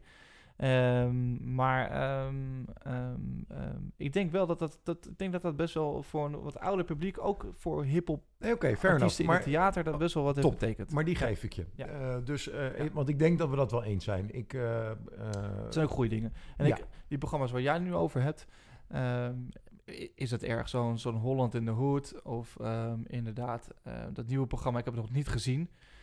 Is dat per se iets, iets slechts? Nou, laat ik het, laat ik wat ik mis in ieder geval. Waar is nou, waar is dan dat echte hip-hop programma? Wat gaat ja, nee, over- dat, Nee, toch? Maar, Ja. maar eh, dat is er niet, nee, toch? heb je meer geval- Lola de Musica. En, en ook, ik heb ook een keer met Leo Blokhuis erover gehad. Dat ik zei van ja, ik vind het zo jammer dat in die, die top 2000 items eigenlijk vrij weinig hip-hop voortkomt. Ehm, ehm, omdat daar wel gewoon classics in zitten. Gewoon, gewoon tracks die levens hebben veranderd. Nou, inmiddels wel, leven. maar da- dat is Ja, ook de laatste vijf laatste- jaar, hè? Of zo. Nee, de laatste drie jaar ja, zelfs. ja, precies. Toen inderdaad hebben we het ook wel over gehad dat we in de Radio 2 studio waren. Hebben we gewoon, gewoon een gesprek over gehad. Één aflevering met King B is bijvoorbeeld heel tof dat ze die hebben gedaan. Ja, Ehm, dus je ziet het wel meer komen ook aan de serieuze kant komt. Maar ja, aan de andere kant, eh ehm, hiphop wordt ook nog steeds wel gezien voor mensen die het niet begrijpen. Eh, vooral witte mensen. Als een soort van gimmick. Hè? Dat zijn de gasten die stoer Ja. lopen doen voor yo, yo, yo. En, en, en doen. Ehm, ehm, in die zin, ja, is het jammer. Ik heb het nieuwe programma met Ernst Daniel Smit nog niet gezien. Ik ben altijd een gast die positief probeert in te zien. Dat ik dan denk van ja, die mensen die Ernst Daniel Smit leuk vinden. Of, of, of ik weet ook dat de Soenos eraan mee gaat doen, heb ik voorbij zien Ja. komen om, om te gaan rappen. Ehm, ja, ik ben heel benieuwd hoe dat coaching traject gaat zijn. Want als een Soenos bijvoorbeeld wel, die ik persoonlijk tof, tof vind. Ja. Een heel tof, tof persoon, tof iemand die gewoon opkomt voor wat ze doet. Daar toch ook denk van, hé, ik ben nieuwsgierig naar rap, dus ik wil dat wat gaan doen. En ik wil er niet per se een gimmick van maken. Eh, dan is het interessant, maar gaat een Nee, maar die- Smit het doen? Kijk, dan- het ding ja, aan wat- zich is natuurlijk wat, eh, precies dat. Hè? Ehm, op het moment dat je eh, een genre, zeg maar, een bepaalde aandacht hebt gegeven met kwaliteitstelevisie. en je gaat vervolgens een uitstapje maken naar eh, mensen buiten het genre proberen eh, skills aan te leren. Dan, dan, voor mijn gevoel, zit er dan een soort van logische evolutie in. Van oké, weet je, we hebben uitgelegd wat is hip-hop, wat maakt het bijzonder. eh, en we gaan nu eens kijken of iemand die er niks mee heeft. of we die bepaalde elementen kunnen aanleren. Alleen, we komen nooit aan die etage ervoor. Het gaat dus altijd toch om iets. Kijk, uiteindelijk is het natuurlijk entertainment. En dat is Ja. allemaal. Dat is ook Ja. Maar we gaan natuurlijk eh, hopen op een Ernst Daniel Smit... die eh, geen enkele... eh, Gewoon voor lul staat. die voor lul staat. Daar, Ja. daar, gaan, daar gaan we voor. En Ja, nou, bij Holland in de Hood gingen we ervoor met z'n allen keihard op... dat de tien gasten die, die ja, zelf vonden dat ze uit de hoed kwamen... maar dat waren de Phoenixwijken en de... Weet je, het was allemaal Maar niet nog ineens waren gewoon, gewoon, gewoon wiggers. ja, het was precies. Hè? En, en, en had dus in die zin. Eh, ja, het waren jongens die geïnspireerd, zelf in geïnspireerd waren geraakt door hip-hopmuziek. Maar het programma en de beleving en de, insteek had daar verder niet zoveel mee te maken. Anders dan vooral gewoon die gasten belachelijk maken. Ik vind het zo interessant dat ehm, we zoveel jaren verder zijn. Maar er nog steeds op inhoudelijk en kwalitatief vlak nog niet zoveel is gebeurd. Ik las een column, eh, volgens mij was dat ook van Hip Hop in Smoel. Een platform waar we het vorige week ook, eh, vorige editie ook over hebben gehad. Er was een column dus van, eh, ik denk een jaar of eh, acht, eh, negen geleden. Volgens mij was Holland in de Hoed uit eh, 2011. En er was iemand die, die op zich heel duidelijk zei van... joh, we moeten daar allemaal niet zo pissig om worden. Neem het nou niet te serieus. En wees blij dat eh, wellicht eh, het genre... eh, dat het voor bepaalde mensen ook een soort van gateway kan zijn. Weet je wel, dat ze dingen ontdekken. En, en dat het een opmaat is naar andere en nieuwe programma's... die wel kwaliteit bieden. En op zich zijn hele relaas kon ik ongelooflijk goed inkomen. Alleen we zijn natuurlijk nooit gekomen bij het punt het punt wat hij uiteindelijk schetste. Van ja, Ja. hopelijk komt er dan nog andere kwaliteitscontent. Ja, Dat is niet gebeurd. nee. Ja, aan de andere... Nou ja, Marginaal. Ja. Eh, eh, als ik Maar- op volle toeren eventjes weg eh, uit, de- uit de beschouwing laat, is het Ja. toch niet gebeurd? Nee, helemaal niet. Nee, nee dat is ook heel zonde. Ja, aan de andere kant, dat zijn de incidenten. Dat wordt dan gewoon door witte mensen gemaakt. Van, hé, we gaan een parodie op hiphop doen, is leuk. Hiphop is hot. Eh, dus ze proberen een slaatje uit te slaan. Aan de andere kant, we hebben het er eerder in de podcast ook al over gehad. Er zijn hele toffe... Nee, maar het is ook dat, kijk, ik ben geen, ik zit niet zo in het drill rap genre. Nee, ik zit er eh, niet zo moet in, hè? even uitleggen wat drill rap is. Nou, het is een subgenre. ehm, ik, serieus, ik zit er zelfs helemaal niet... Nee, eh, waar eigenlijk verheerlijking eh, eh, ook is van, van wapens, van messen en van, van eh, pistolen laten zien in, in videoclips nou en dat ja, soort kijk, dingen. ik vraag me dus al af of het zo is dat dat zeg maar de kern van het genre is, Nou ja. of dat een bijkomstigheid is. Maar even dat daar gelaten. Wat er in ieder geval gebeurt, is dat eh, het muziekgenre alleen maar benoemd wordt ehm, in combinatie met mesincidenten en messteken. Ehm, weet je, dat is het enige wat daar, waar, wanneer we wat lezen over drillrap. Ik, ik lees nooit iets over drillrap als zijnde van, hé, er is een nieuw artiest, die moet je checken, die is tof. Nee, nee, maar dat is, dat, dat, dat, ja, dat is, dat denk ik wel een iets andere discussie. Ik denk dat, om het vorige even een beetje kort, kort Ja. af te sluiten, is denk ik dat, dat, dat veel entertainment toch ehm, ehm, ehm, ge- gebruikt wordt van, hey, we, we willen iets doen wat met wat tofs is, laten we hier voor, ja, te, te kijk zetten, een beetje te, Mhm. eh, te gallen. Aan de andere kant denk ik wel, eh, als je het daarover gaat hebben, waar ik, waar ik mij mateloos aan irriteer, is rapper neergeschoten in de Bijlmer. Ja. Nee, Ja. die jongen die heeft gewoon een eigen leven, doet zijn ding. En hij rapt als hobby, is helemaal geen rapper. Nee. Als een jongen eh druk Ja, maar dat is exact hetzelfde. Als een, iemand op eh, werd doodgeschoten, een jongen die graag veel voetbalt en op een voetbalveldje was, staat er nooit voetballer neergeschoten. Nee. Er staat altijd rapper neergeschoten of een rapper is steekincident. In die zin is het wel zo dat, dat het heel makkelijk is dat hip-hop een negatieve lading wordt gegeven door bepaalde journalisten en bepaalde media. Wat absoluut onterecht is. Want niet iedereen die eh hobbyrapper is of rapt op zijn bovenkamer, is per definitie rapper. Rapper is ook namelijk daadwerkelijk wel een echt beroep. Ja, precies. En als jij voetbalt eh, op een vo- voetbalveldje, betekent ook niet dat je voetballer bent. Je, je voetbalt graag. Dus waarom wordt, wordt als, eh, als, er, als eh, iemand een overval pleegt die heel graag voetbalt, geen voetballer genoemd? Waarom is dat, denk je? Ja, dat is dan toch discriminatie. vraag. Ja. Dat is discriminatie. Dat zit er gewoon in ge- ingewoord. Oh, dat is een rapper. Oh, dat zou een rapper zijn. En rappers doen iets met geweld en zijn van een bepaalde afkomst. Dus dat zal het wel zijn. Ik denk dat, dat, dat de witte, vooral witte mensen daar zo naar kijken. ja. Wat heel treurig is. Ja. En wij zelf hebben het zelf ook ervaren hoor. Bij, bij, bij, bij 538 dat wij nooit serieus werden genomen. Eh, met het hele genre. Sterker nog, eh, John de Mol trekt gewoon de stekker uit tot twee keer toe uit Juice. Op het punt dat het staat door te breken. Eh, op het moment dat Juice een etenfrequentie kon krijgen, Ja. trok John de Mol toen de tijd, die toen volgens mij net 50 had verkocht. Je moet heel even nog uitleggen wat Ja. Juice is. Hè? Juice is een radiozender geweest, wat onderdeel was van 538. Ja. Was jarenlang op de zo- zondagavond een programma Ja. op 538. Dat heette Juice, gepresenteerd door Niels Hoogland. Eh, maar daarnaast was er ook een aparte online zender, Juice FM. En dat werd digitaal toen de tijd al uitgezonden. Ehm, ehm, maar en via de kabel. En op een gegeven moment waren ze een race voor een FM-frequentie. Niet Ja. elk radiostation krijgt zomaar een FM-frequentie. Dat Nee, moet gekocht de worden, veel hè, geld. Ja, dat, dat was ooit een, een, een, een mogelijkheid voor. Maar toen werd eigenlijk Juice opgegeven op het moment dat het kon. Dat was al in de jaren 2000 zo. Eind jaren 2000. Mhm. eh, ik denk 2008 of zo denk ik dat dat toen al... eh, of Mhm. daarvoor denk ik al dat het gaande was toen eh, alle hitlijsten vol met hiphop stonden. Ja. Nou goed, toen ging het daarna werd hiphop weer wat minder. Maar op het moment dat wij bij, nog bij Juice zaten... En het echt populair werd dat New Wave de popprijs pakte. En Ja. Little Kleine doorbrak. En dat toch ook weer boom naar de hitlijsten. Op dat moment werd, werd ehm, ehm, het weer stopgezet. Terwijl dat je denkt, hè?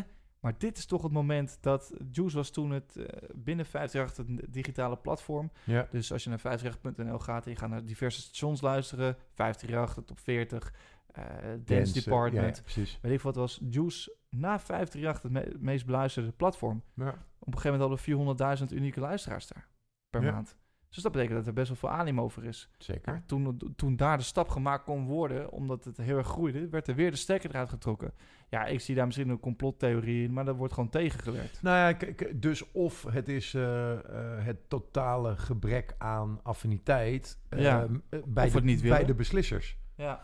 Hè? En, en ehm, ja, ja, ik weet, nou ja, En, en die beslissers zijn voornamelijk nog steeds eh, witte. ja witte, oudere mannen. leeftijd. Ja, ja, ja, precies. En dat- met, toen wij een tv-programma deden, moesten we ook altijd heel erg uitleggen waarom wij dan eh, moeite wouden doen om een Kendrick Lamar te interviewen. Ja. Of wat wij wouden toen de tijd met de Mr. Polska in de studio en waarvoor wij iets deden met de steen. Nou, dat, dat konden mensen niet begrijpen. Nee, nee, en wat ik daar interessant aan vind, want eh, ik ken jullie struggle, zeg maar, zijdelings al een beetje. Hè? Ik bedoel, we, Ja. ja. we hebben al die jaren eh, altijd contact gehouden, dus ik weet dat. Ehm, nou ik weet wat ik zelf zie eh, in de media, dus de belachelijke programma's zoals ik ze net eh, noem, of de berichtgeving eh, in, in kranten en op het journaal. En wat ik wel interessant vind, is dat we zijn nu in 2020.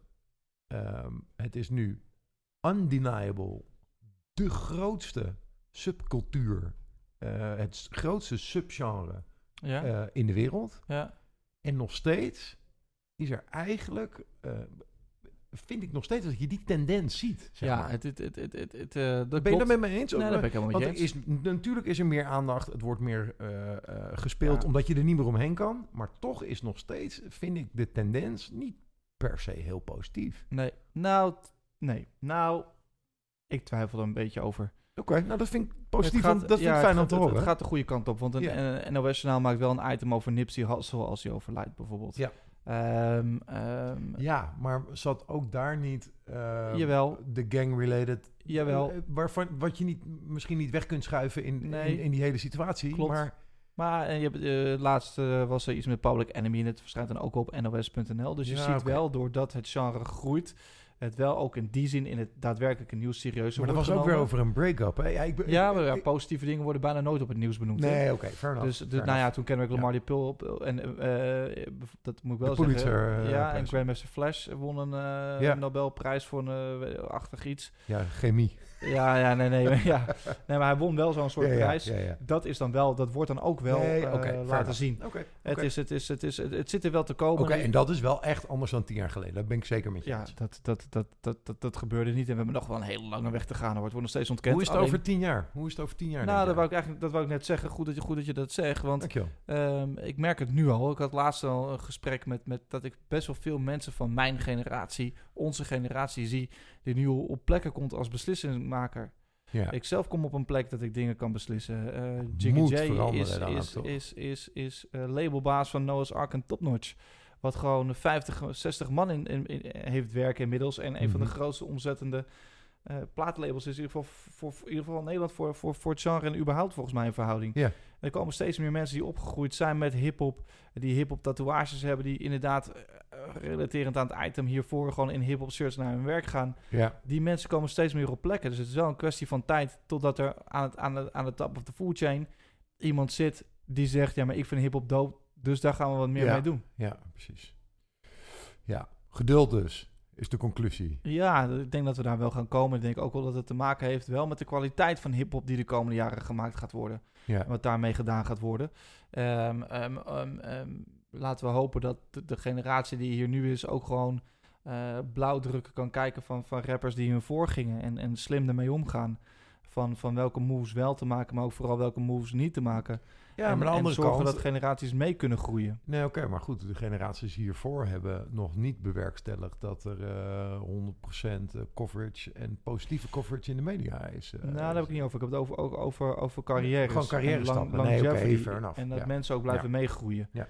Er zijn wel, nou ja, ik moet dan wel even de homie Brainpower shout-out geven... die toch altijd bij Boulevard zijn ellebogen erin zet... om, om Ja. toffe, positieve items te maken Ja, over nee, hip-hop. Zeker, ja. En, altijd op, en het ook altijd uit te leggen voor een groter, groter publiek... als er iets aan de hand is. Ja, maar weet je, ook daar vind ik het zo pijnlijk, hè? Want wat hij doet, eh, dat is, dat, dat is fantastisch, omdat ik denk dat dat echt... Hij is een voorvechter en, eh, en precies wat je zegt, ellebogen erin en zorgen dat ook bij een platform als Boulevard eh, die boodschap gehoord kan worden. Dus niks dan respect daarvoor.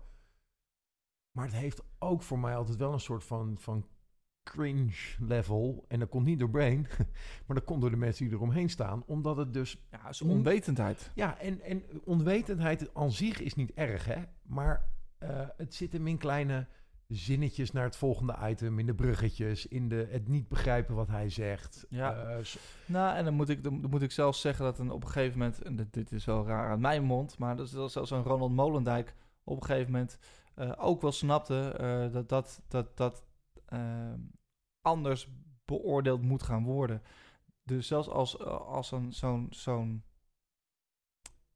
man als Ronald Molendijk ehm, dat ehm, ook toch wel positief gaat benoemen... betekent voor mij wel dat er signalen zijn... nou ja, dan Aan de is er wel horizon. iets aan het kenteren. Nee, dat Ja, is echt zo. Eens. Ja. En, en, en, en dat heeft nog best wel veel tijd nodig. En wat ik al zei, er komen steeds meer mensen op plekken. die, die, die gaan ook Nederlandse artiesten die genre breed gaan. Ik bedoel, hoe je het went of keert, Little Kleine zit wel in de, in de, in de, in de voice eh, jury. ja, zeker. Eh, je, hebt, je hebt Ronnie Flex die het ook steeds meer doet. En, en nu hoop ik voor die mannen ook daadwerkelijk dat ze iets met die hiphopcultuur kunnen doen. En dat ze er niet alleen maar zitten omdat ze op dat moment die popartiest zijn Nee, eh, ja. die, die met rap zijn doorgebroken. Dus, dus als je mij vraagt van... Ja, ik vind dat de, de, de huidige generatie die nu, nu gewoon platen maakt en alles zou ik tof vinden. Als die iets meer de hiphopcultuur kunnen omarmen. Ook meer kunnen uitleggen waar we vandaan komen en, en waar het genre ook voor staat. Ja. En, en dat ook meer... Ja, omdat zij bij uitstek in de positie zijn om, om dat te eh, doen. En ik denk wel dat als jij zegt dat je hip-hop muziek maakt, en oh, je kan ook rapper zijn. Ehm, ehm, Too Limited heeft ook een rapper. Zeker. En dat is ook helemaal prima. Alleen eh, ehm, ehm, ehm, als jij zegt dat je hip-hop maakt, dan vind ik ook dat je naar de cultuur moet kijken. Want hip-hop is de cultuur en rap is wat, wat rappers doen. Ehm, er zit wel een verschil tussen. Ik vind, zou wel tof vinden dat die cultuur eh, meer omarmd wordt. En als dat ook meer uitgedragen wordt, is het ook makkelijker voor mensen om te begrijpen waar het vandaan komt, waar het voor staat. Eh, en dan gaat het ook makkelijker ergens naartoe. Nee, maar dat zijn we eens. Maar wat is daar voor nodig? Is dat eh, nu Kennis bij de huidige, huidige Ja. generatie, bij de nieuwe gasten die, die daar zijn. En ook, het is ook best wel lastig om, om longevity te doen. Want als jij een paar jaar geleden een hit had, er zijn heel veel rappers te noemen die nu, nu, nu niks meer doen. Niet, terwijl die toen, toen eh 100, miljoen, na- 100 miljoen streams kregen. Ja. Snap je? Die, die nu, nu niet meer kunnen optreden of geen long- longevity hebben. Ik denk dat dat de keyword is binnen de hip-hop scene zelf. Ja, Longevity ja geloof ik ook. voor een carrière. En ik denk als je dat kan, kan bewerkstelligen, dat je dan ook aan een positie komt dat je een positieve bijdrage kan leveren aan, aan, aan, aan daarvoor vind ik gasten zoals een Brain, maar ook een Fernando, die altijd maar stug blijven doorgaan met wat ze doen en Ja. voor de cultuur nieuwe guys omarmen en ook helpen herinneren eh, eh, wat, wat, wat voor hun kwam. ja. En ik denk als dat komt en als je dat eh, dus cultuurwijd meer van dat soort gasten opstaan die dat uitdragen en dat omarmen, is het ook makkelijker voor de mens die er geen moer van snapt Nee, om te om dat begrijpen mee te wat krijgen. dat- en dat ja, het niet alleen ja. maar met geld, Gucci-shirts, eh, Nee, ja, precies. items zijn. Dat er Precies. meer achter zit. Want als jij eh, alleen maar die, die drillrappers ziet en je ziet daar een gast met een Klasnikov Ja, zitten, nee, ja, dan ben je ook een idioot dat je dat doet. Het heeft niks met hip-hop te maken. nee, En het ja. feit dat er nu eh, steeds meer nieuwsberichten zijn van 15 jaar gesteekt die neer, 17 jaar gesteekt die neer, dat heeft wel ook weer een invloed vanuit die negativiteit. En daar vind ik wel dat mensen ook vanuit onze cultuur hun verantwoordelijkheid moeten pakken en zeggen: het is niet tof om met messen in, in, in videoclips te lopen. Wij deden vroeger ook wel eens stoer. En, en, en, en, maakten daar misschien ook voor de gein wat tracks over waar geweld in voorkwam of dit en dat. Maar er zit wel echt een verschil in. En ik vind ook dat oudere generaties, als je jong bent, kan je nog niet alles overzien. En ik weet dat ik nu fucking oud klink, maar whatever. Ehm, eh, vind ik ook dat je de verantwoordelijkheid hebt om, om, om daarop af te, om naar te kijken. En ik vind ook, Heer, heer, ook dat oudere hip-hop generatie dudes Ja. zoals ons, maar ook Ja. daarboven, Ja. ook moeten zeggen tegen new boys van... hé, hey, luister, jij, jij, waar jij nu staat, ben ik al geweest. Zorg ook dat je die positieve kant kan, kan benadrukken, want dat is voor de rest van je leven ook fijn. Ja, hoewel ik me wel afvraag of als de, de attitude en de insteek is eh, van jou of mij met waar jij bent, ben ik al geweest. Mensen die dat vroeger bij mij deden, toen ik Nee, een maar jaar of twintig was. Nee, toch maar, Ja. je snapt wat ik bedoel, toch? Dat Zeker, misschien moet ik niet manier zeggen. ja, fuck ja. Maar het is wel zo, want zeker binnen de hip-hop zijn maar weinig gasten. Eh, nou, neem, een- neem, een- neem een Fernando die al lang meegaat, maar ook, ook een Brain die toch. Er is geen blauwdruk nog voor een Nee. carrière van 30 jaar. nee, nee, En precies. dus sommige mensen zijn dat wel aan, de- aan, de- aan het neerleggen. En Ja. als jij nu. Kijk, een boef pakt dat slim op. Die heeft excuus aangeboden. Die, die, die, die- over die kechtdingen, weet ik wat allemaal. De negativiteit probeert Ja. hij toch ook meer, meer te buigen naar positiviteit. Dat komt wel omdat mensen hem ook erop attenderen van... hé hey bro, als Ja. jij het op langere termijn wil doen... dan, dan, dan moet daar iets gaan veranderen. Ronnie Mensen Flex, van een andere generatie daarboven, ja, toch? en Ronnie Flex, Ja. die kijkt ook naar een tyfoon. Die denkt van ja, ik kan met mijn, met mijn DJ-ding... kan ik gewoon blijven doen voor, voor, voor bepaalde fans. Ja. Maar mijn doelgroep, wat op dat moment natuurlijk gewoon tieners waren, die worden ouder. Maar daar zit niet per se mijn money voor de toekomst. De longevity zit in met een live band spelen. Tuurlijk. Dus, ja. dus, dus eh, slim worden, ontwikkelijk worden. Ja, eh, meer gaan kijken wat generaties voor je hebben gedaan. Kijken wat gewoon goed werkt. En Ronnie Flex staat nu gewoon op major festivals met zijn live band. Voor major crowds die helemaal in principe niks hebben met hip-hop. Hij kan dus daar een stempel op drukken. Cool. Snap je wat ik bedoel? ja, ik snap helemaal wat je bedoelt. Hoe zie jij dat dan nog? Nee, ja, in, ehm, ik ben blij dat we het eh, positief kunnen eindigen. Ik, eh, ik ben met je eens. Ik, ja, ik, eh, ik moet het altijd positief nee, maar inzien, goed, anders, anders, anders overleef ik het niet. Goed zo. Goed zo. ja, nee. de generatie nu aan de knoppen en de volgende generatie aan de knoppen, die, die gaan er denk ik voor zorgen dat het gaat kenteren. Dat denk ik ook, dat denk ik ook. Ehm, wij gaan eventjes kijken bij eh Sliksluur Vos. Ehm, want jij bent eh, natuurlijk al een tijdje aan het schrijven. We zijn al langer bezig Ja. geweest dan een kwartiertje. Sterker nog, we hebben 22 minuten gehad. Ja, je Dus ik, hoop, dus ik hoop voor je dat er nu wat is. In ieder geval acht bars. Want Ik ben anders... Ja. Wat is dit nou weer? Hoe bedoel je? Ik ben klaar. Ik ben klaar. Ja, maar helemaal klaar gewoon? 16 bars. Nou ja, dat betekent dat er weer geen geld Ik heb er eigenlijk denk ik. 20. ja, wat is dit nou allemaal? Maar goed, 16 is de opdracht. En, eh, dus Nou ik, ja. kan nog, ik kan nog kiezen eh, welke van de 20 bars ik dan uiteindelijk in mijn 16... Of, eh, ik heb het refrein net helemaal niet laten horen. En die, en die tweede, 32 bars, tweede verse. Oh, voorzichtig. hij, gaat, hij gaat op een gegeven moment gaat hij over in, eh, in een kale drumbeat. Ja. Ja, dacht, kan ik ook nog wat mee doen, maar nee, nee gekkigheid. Ik, eh, nee, ik heb, Maar 20, ik heb je- 20. Je bent al helemaal klaar. Ja. Dat betekent ook dat we misschien gewoon eventjes ehm, even... Jij hoeft niks meer te puzzelen. Ik- Nou, ik, ik, ik, ik heb 20 bars. Eh, Moet je ze nog terugbrengen naar 16? ja, ik moet ze terugbrengen naar 16. Dus ik moet nog iets schrappen. Ah, oké. Nou, laat Nou dan ja, even... eh, de- oh. Laat dan even... eh, Sorry, Ghost. ja, Weet je wat ik doe? Ik ben er al uit. Ik weet namelijk welk stukje het niet gaat halen. Maar je kan ik wel even voorlezen. Ja, want ik wou nog zeggen, ik kan de klok aanzetten, Vos. Je hebt, je twee mogelijkheden. Dan heb je nog vijf minuten. Nee, ik weet al welk stukje het niet gaat halen. Oké, want als je het niet redt binnen die vijf minuten, moet je dus nog dus, die di- 50 dus, dus dit, euro neerleggen, weet je dus wel. deze vier bars, die, eh, die schrap ik. Die had, ik, had ik in de track. Oké. jij kan dus niet, eh, even voor de record, Eh, want jij gaat ze nu voorlezen, omdat jij, eh, ja, jij kan het niet over je hart verkrijgen. Deze, Nee, nee, ik wil het even delen. deze vier bars Nee. in de vergetelheid. Nee, nee, dat vind ik zonde. Oké, nou, dan gaan we wel even luisteren. Eh, dus dit haalt het niet. Ehm, rap is geen kunst omdat de art of rhyme mislukt. Er wordt zoveel gemumbeld als voor zeepjes wordt gebukt. 6 9 snitcht, iemand anders wordt rich. Advocaten pimpen rappers als Dagobert Duck. Ik wilde zeggen van, ah, ik snap wel dat dit het niet haalt, maar ik, vind het, ik, vond, het wel leuk. ik vond het wel leuk eigenlijk. Kan je hem, eh, kan je hem, kan je hem, kan je hem, eh, kan hem nog even één keertje doen? Rap is geen kunst omdat de art of rhyme mislukt. Er wordt zoveel gemumbeld als voor zeepjes wordt gebukt. 6 9 snitcht, iemand anders wordt rich. Advocaten pimpen rappers als Dagobert Duck. Ja, dat is leuk. Ja hoor, dames en heren, we hebben hem. Dit was hem, de Bro Podcast 4. Nee, ja, ik ben benieuwd, Stuurvos. Eh we gaan gewoon even, even, even, even, even meteen doorschakelen. Ik denk dat ik gewoon de alarmklok eh, ga aanzetten en dat we daarna naar de beat gaan. En ehm, dan moet jij gewoon je magic doen. En dan beslist eh, ja, ik natuurlijk of het natuurlijk een applausje krijgt. Of dat we toch zeggen, nou, dit, eh, die eerste vier bars die er niet in zitten waren toch goed. En het wordt dan toch een... we gaan het zien, Stuurvos. Ik zet de klok aan, het alarmdingetje gaat en dan ga jij je ding doen.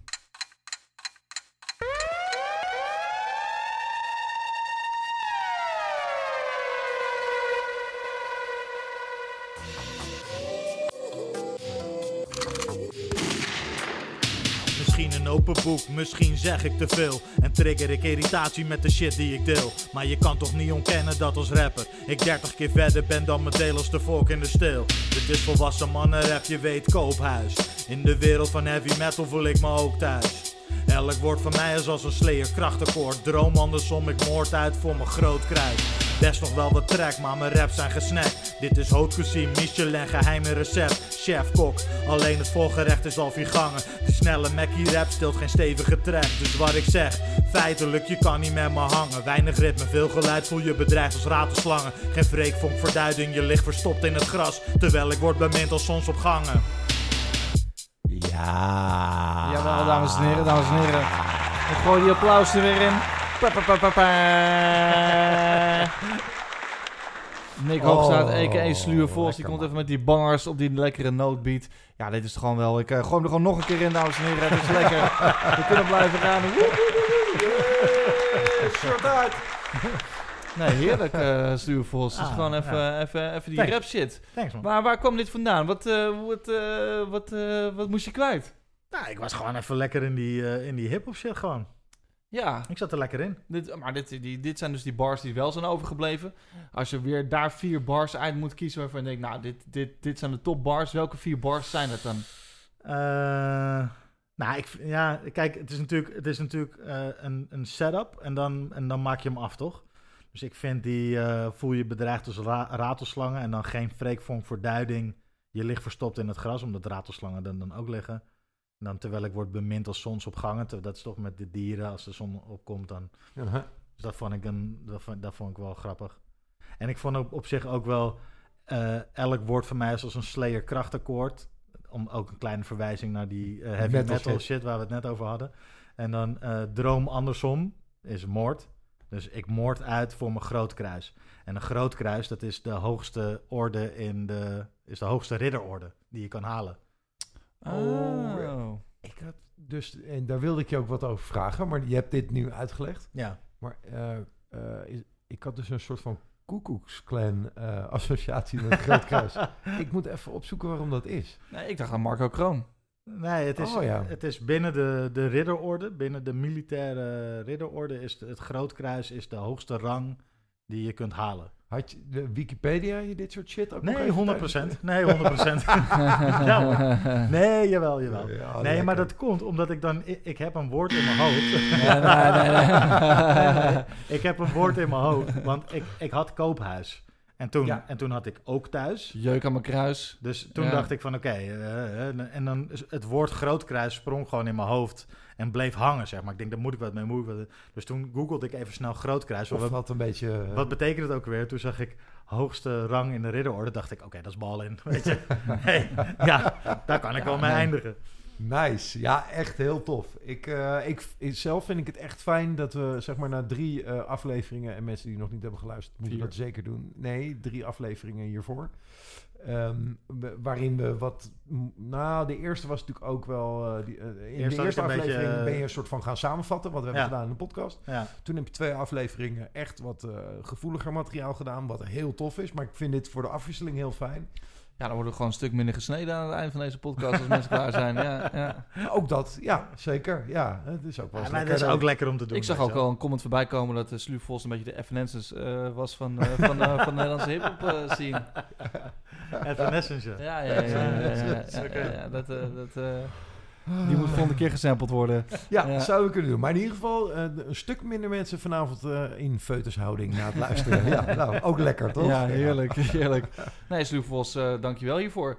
Ehm, ik heb toch nog wel iets liggen hier op tafel. Ja, we hebben nog er is een nog één hè? ding. Die pak ik toch even uit mijn, uit mijn backpack. En dat is ehm, namelijk een, ehm, een classic. Ik vind het leuk. Het is een album. Het is namelijk van Tupac, Machiavelli. Ja. Waarom zit dit in godsnaam in de tas? Ja, heb ik erin gestopt. eh, vooral omdat dat ehm, ehm, ja, nog het enige Tupac Memorial cd'tje is wat ik heb. Dat is zo kut. maar vooral, kijk, ik wil het niet zozeer over die plaat hebben, maar ik, eh, ik, ik wil het meer even over eh Tupac Shakur hebben. Ja. Ehm, en ik wil even beginnen met Ghost. Waar was jij, eh, weet je het nog, waar je was toen hij doodging? Nou, dat is 96 geweest. Toen was ik 11. Mhm. Dus eh, in alle eerlijkheid eh, wisten we wel al wie, wie Tupac was. Ik zat toen volgens mij net op de middelbare school of net niet. Uh-huh. En het, ik denk dat ik het meegekregen op het NOS-journaal. Oké. Daar heb ik het gezien. S S'avonds denk ik, 8 uur journaal of zo. Dat het toen werd doodgeschoten. En Ja. was je toen wel al, eh, was je al een luisteraar of, of Ah, kwam dat ik- later? Nee, zeker. Maar ik, het was volgens mij in de periode dat mijn oudere nichtje ook tijdelijk, tijdelijk bij ons thuis woonde, denk ik. En ik luisterde vooral veel top 40, toch wel radiobandjes nog maken. Ehm, Ja. ehm, ehm, ik luisterde wel naar hip-hop. Ik ben toen in die tijd ook 96 echt wel hip-hop ingetrokken. Voornamelijk door Jay-Z en Mace en Puff Daddy en zo. Ja? Dat waren mijn eerste, eerste, eerste hip-hop dingen. En daarvoor wel Blackstreet en, en eh, je weet, No Diggity en dat soort joints, maar gewoon meer top 40 dingen. En Tupac luisterde wel, maar dat was voor mij toen, toen ik elf was nog best wel heftig. Althans, ik kon het nog niet helemaal snappen. Mijn fascinatie met Tupac is begonnen en ik, het, ik wist dat we het wel over dit item gingen hebben. Ehm, ik heb vroeger, eh, toen ik op school zat, eh, las ik de hitkrant. Ja. En ik werd opeens, zeker na zijn dood of rondom zijn dood, gefascineerd door Tupac. Ja. En vooral het laatste jaar, dat kwam mij wel ook in, in de mainstream media ook meer en meer voor. Toen werd Ja. hij echt ook gewoon die zin wat populair. Daar heb ik echt krantenartikeltjes uitgeknipt. En, en, en, en, en, en een map bijgehouden met alles van. Tupac. Ja, en, en vooral na zijn dood, denk ik, denk, denk 96, 97, dat, dat voor mij eh, mijn fascinatie met Tupac begon. En jij, eh, Vos, waar was jij toen hij doodging? Weet je het nog? Eh, nou ja, op mijn kamer en eh kijk het naar MTV. Oké. Daar, eh, Een emotekst schrijvende. In feutushouding eh, voor de tv. nee, ik, ik, ik, ik, ik, ik herinner mij MTV en het nieuwsbericht dat daar... eh, Kurt Loder. de- Volgens mij Kurt Loder, ja. Ehm, dat weet ik nog. Dat ik, dat ik voor mijn tv, eh, voor mijn tv'tje zat in mijn kamer, zo'n zo'n groot eh, bakbeest. Ja. En ehm, ja. Had Ja. heb je, eh, hoe oud was jij toen? Ja, was 14. of zo, 14. 14 Ja, was 15. 14, Jij zat ja. echt een midden, midden in tweede, derde klas. Ja, ik zat op de middelbare school net, ja. En eh Toepak was wel zeker een ding. Ik was, eh, want ik, was één, jaar- ik ben één jaar jonger, dan jij bent. Ja. ik ben 13. En ik had net eh, eh, die cd. Ehm, ik, ik, Welke? eh, All Eyes on Me. Niet deze, mag ik Nee. verder niet, maar All Eyes on Me. En eh, ik golfde altijd een beetje achter dubbelen aan. Eh, dat is een vriend, ge- gemeenschappelijke vriend van ons, DJ geweest bij eh, de tour eh, van eh Sluw Vos lang geleden. En ook beatbakker. En mijn beste vriend al sinds de kleuterklas. En die, ik, ik, ik hobbelde altijd een beetje achter zijn muzieksmaak aan. Dus hij had eh, op een gegeven moment Toepak. Ik kreeg die cd. Ik vond dat helemaal te gek. Dat zal ergens in 96 geweest zijn. Want het was niet heel lang daarvoor. Ehm, ik weet het ook nog. Ik lag eh, in mijn nest. Eh, ik had zo'n eh, wekkerradiootje. En ik luisterde naar Niels Hoogland. Die had nog niet Juice, maar die had toen... eh, ja, volgens mij heette zijn programma Niels Hoogland of Hoogland at Night Nee, of dat was zo. wel Juice. altijd. Nee, het was niet Juice. Dus vanaf Ah. 99 heb ik opgezocht. Ah. Ehm, en dit was in 96. Maar ik weet dus nog dat ik daar lag. eh, en dat hij dus 's avonds zelf soort van geschokt vertelde... Ja, ik meen op een vrijdag of zondagavond, daar wil ik vanaf zijn. Maar ik, eh, Ja. van ja, nou ja, dit en dit is er gebeurd. En ik kan me dus ook zo goed herinneren, omdat het voor mij een soort van de eerste ehm, de, de, de artiest is waar je dan echt een, eh, waar je wat bij voelt. Hè, die, Een band mee een hebt. band mee hebt, die, eh, die dan overlijdt. Dus eh, ik weet dat echt nog, eh, nog heel goed. Ehm, de, de reden dat ik het vraag, ik, ik wil namelijk nog wel eh, een nou, ik wil zo meteen een gedachte-experiment met jullie doen, maar ik wil eerst nog even het rondje af. Ehm, ik ben even benieuwd, Ghost, wat betekent Toepak voor jou? Nou, vroeger meer dan dat het nu doet. Oké. En dat, dat, dat, dat, Ja. dat komt mede eh, doordat ik het grijs heb gedraaid in mijn middelbare schooltijd. Ik liep in een Tupac t-shirt en eh, je tekende Tupac logo op je Eastpack backpack. en ehm, eh, die periode heb ik het wel heel goed beleefd. Maar daarna ben ik ook snel na mijn middelbare schooltijd ook doorgegroeid naar andere, andere artiesten. Je zegt doorgegroeid, dat vind ik op zich wel een interessante woordkeuze. Want Nou, ben, ben je het ontgroeid dan daarmee? Mm, nee, want ik, ik luister het nog steeds wel graag. Uh-huh. op, op, op tijd. Maar op een gegeven moment is, werd, werd Toepak natuurlijk ook symbool voor... eh, omdat je zelf ook als DJ op feestjes was ik aan het draaien. En elke keer... hey, kan, je- kan je Toepak draaien? Heb je Toepak? Heb je Toepak? En eh, iedereen... Eh, Toepak werd eigenlijk de rapper waarvan je wist van... Hey, als iemand daarover begint, is hij geen hip-hop head. Grappig. Dus als iemand over, over... Op een gegeven moment met Biggie had ik het wat minder... want die heb ik, die heb ik echt later in die zin ontdekt. Eh, voor mijn belevenis ben ik daar meer in gedoken. Omdat ik Toepak zo beleefd had. Maar je wist gewoon dat, dat gewoon random... Ook bij, er stond ik te draaien hier in Haarlem in het Stadscafé. En dan kwamen mensen om Toepak vragen. Weet je, heb je Toepak, Toepak? En dan waren dat van, de, van, die, van die meisjes die, waarvan je weet... Ja, als, als ik zeg Buster Rhymes, zeggen ze wie? Weet je wel? Dus, dus, dus Tupac werd ook eh, in die zin een heel stuk mainstream. En het grappige is toch binnen de hiphopcultuur, zodra iets heel erg mainstream wordt, ja, dan is het eigenlijk niet meer zo tof. Terwijl dat, dat misschien het tofste is wat iemand kan bereiken. Want Tupac, laten we eerlijk zijn, heeft natuurlijk al ontzettend veel deuren geopend, nog steeds voor mensen naar het hele genre. En, en is een wereldster. Wereldster. Nee, precies. Maar dan heb jij allerlei externe factoren, zeg maar.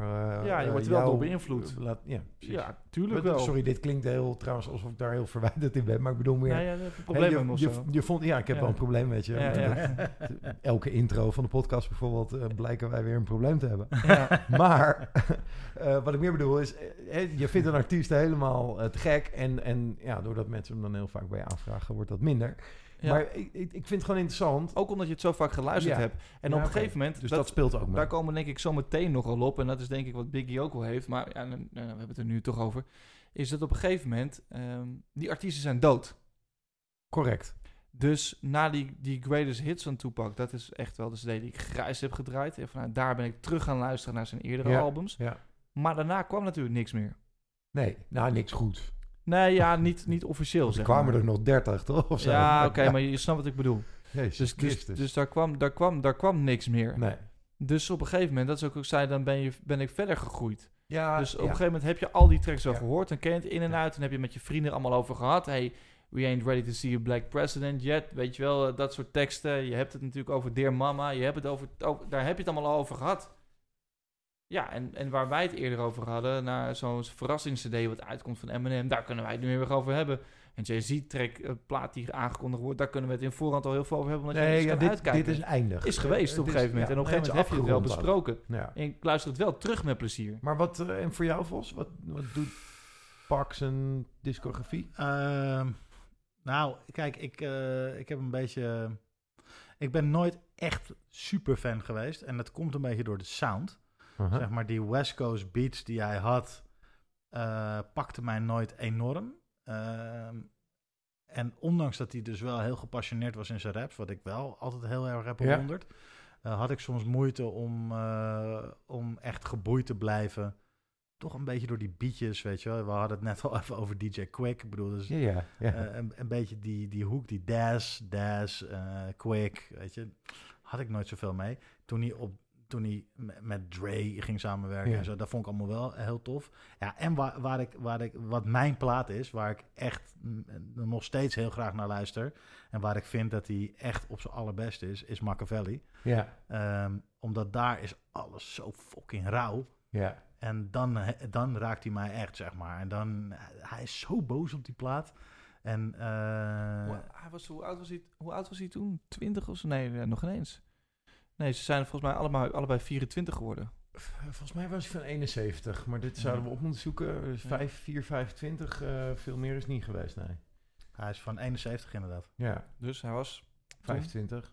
toen hij doodging. Ja. ja. Ja. Maar ja, precies. Dus eh, voor jou is zeg maar eh, volgens dat, dat, dat, dat, commerciële ding eh, niet per se werkte voor jou, zeg maar. Nee. Zat jij er ook al in 96 op? Ik, dit bedoel, dit, deze vraag stel ik niet om, om je echtheid te testen. Maar, Nee, nee, maar jawel. Want ik vond, ik vond bepaalde tracks natuurlijk wel heel dope. Ja, ja, precies. Kijk, en, en ik, vind, ik, ik, vind ook ehm, die, die Me Against the World plaat... ja. vind ik ook wel... Er staan wel echt natuurlijk hele dikke tracks op. Laten Ja. we daar, weet je wel. Maar ik, vond, ik was nooit een fan van, de hele, van het hele oeuvre en van het hele ding. Ehm, maar ik, in 96 had ik Brandon's Got a Baby al een keer gehoord. ja, En, exact. en dat vond ik wel vet. ja, Voor zover ik het toen begreep, hè, want ik was 14. ja, ja oké, fair enough. Maar hij is natuurlijk mythisch. Nou ja, het is eh, zeker, dat, dat vind ik. Nog Eh, steeds. Vind ik ook. Eh, voor mij was het echt een gateway-artiest, weet je wel. Dus eh, ik denk dat het een van de eerste rapartiesten was waar ik naar luisterde. Zo niet de eerste waar ik in ieder geval een cd van had. Eh, Nou, en- en daarmee, zeg maar, eh, voor mij is het de, de, de- hij heeft een soort van het hele genre unlocked. Hè? Dus ik vond die plaat, All Eyes Me was dit overigens dan niet uh, Machiavelli, maar die vond ik zo vet dat ik ging checken wie had die beats gemaakt. En dan kwam ik uit bij Dre en ik kwam uit bij Snoop. andere- Wie waren al die featurings? Ik heb ze ter voorbereiding zat ik nog eens een keer te checken bij wie ik toen allemaal uit ben gekomen. Kwam ik dus ook uit bij Method Man en Redman op die eh, Ja. eh, eh, en, en Dre en Snoop en Nate Dogg, de Outlaws in mindere mate, maar vond ik allemaal heel boeiend. Corrupt, Inspector Deck stond ook op zo'n zo'n possiekat. eh Death Row aan zich. Ja, was- Death Row was het label, man. Ik wou toen op de Zwarte Markt zo graag zo'n nepketting kopen van Death Ja, Row. was een Dat gruwelijk was logo. shit. Death Row was ook mythisch, man. Wat er allemaal gebeurde en wat ze uitstraalden. Jeetje, mina. Maar nu dit gedachte-experiment. Ja. Want we hebben er dus allemaal, eh, dat is me nu ook duidelijk als ik jullie hoor, eh, nou ja, het, het heeft ergens een plekje, zeg maar. Mhm, ja, zeker. Wat was zijn eh, de, plek en de, ehm, de mate van populariteit van Tupac geweest anno 2020 als hij later was opgekomen? Dus niet als hij nog had geleefd, maar als hij ergens in de laatste tien jaar was opgekomen. Had hij het gered?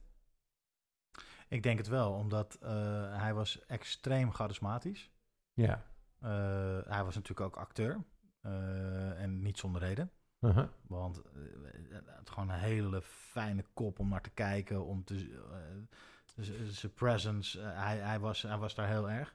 En alles wat hij deed, deed hij met extreem veel bezieling en passie. Mhm. Eh, en ik denk dat hij bij alles wat hij, wat hij deed en bij alles wat hij, wat hij liet zien, eh, zoveel, zoveel passie en ja, ik denk dat die woorden die komen maar bij me terug, passie en bezieling, omdat dat, dat, is wat hij, dat is wat hem maakte, dat is wat hem.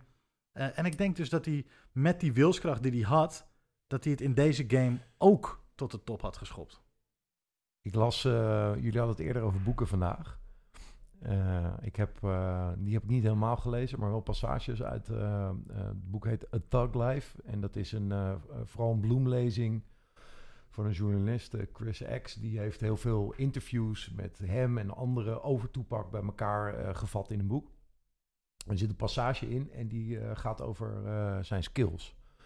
En die is best, nou ja, vernietigend is een groot woord, maar in ieder geval heel kritisch. Die zegt van ja, eigenlijk kon hij niet hangen met zijn peers. Dus met Nas, eh, Biggie, Jay-Z, hè, zijn tijdsgenoten in, in, eh in nee, die tijd. JC kwam daarna. Nee, nee, nee. nee Ja, ja.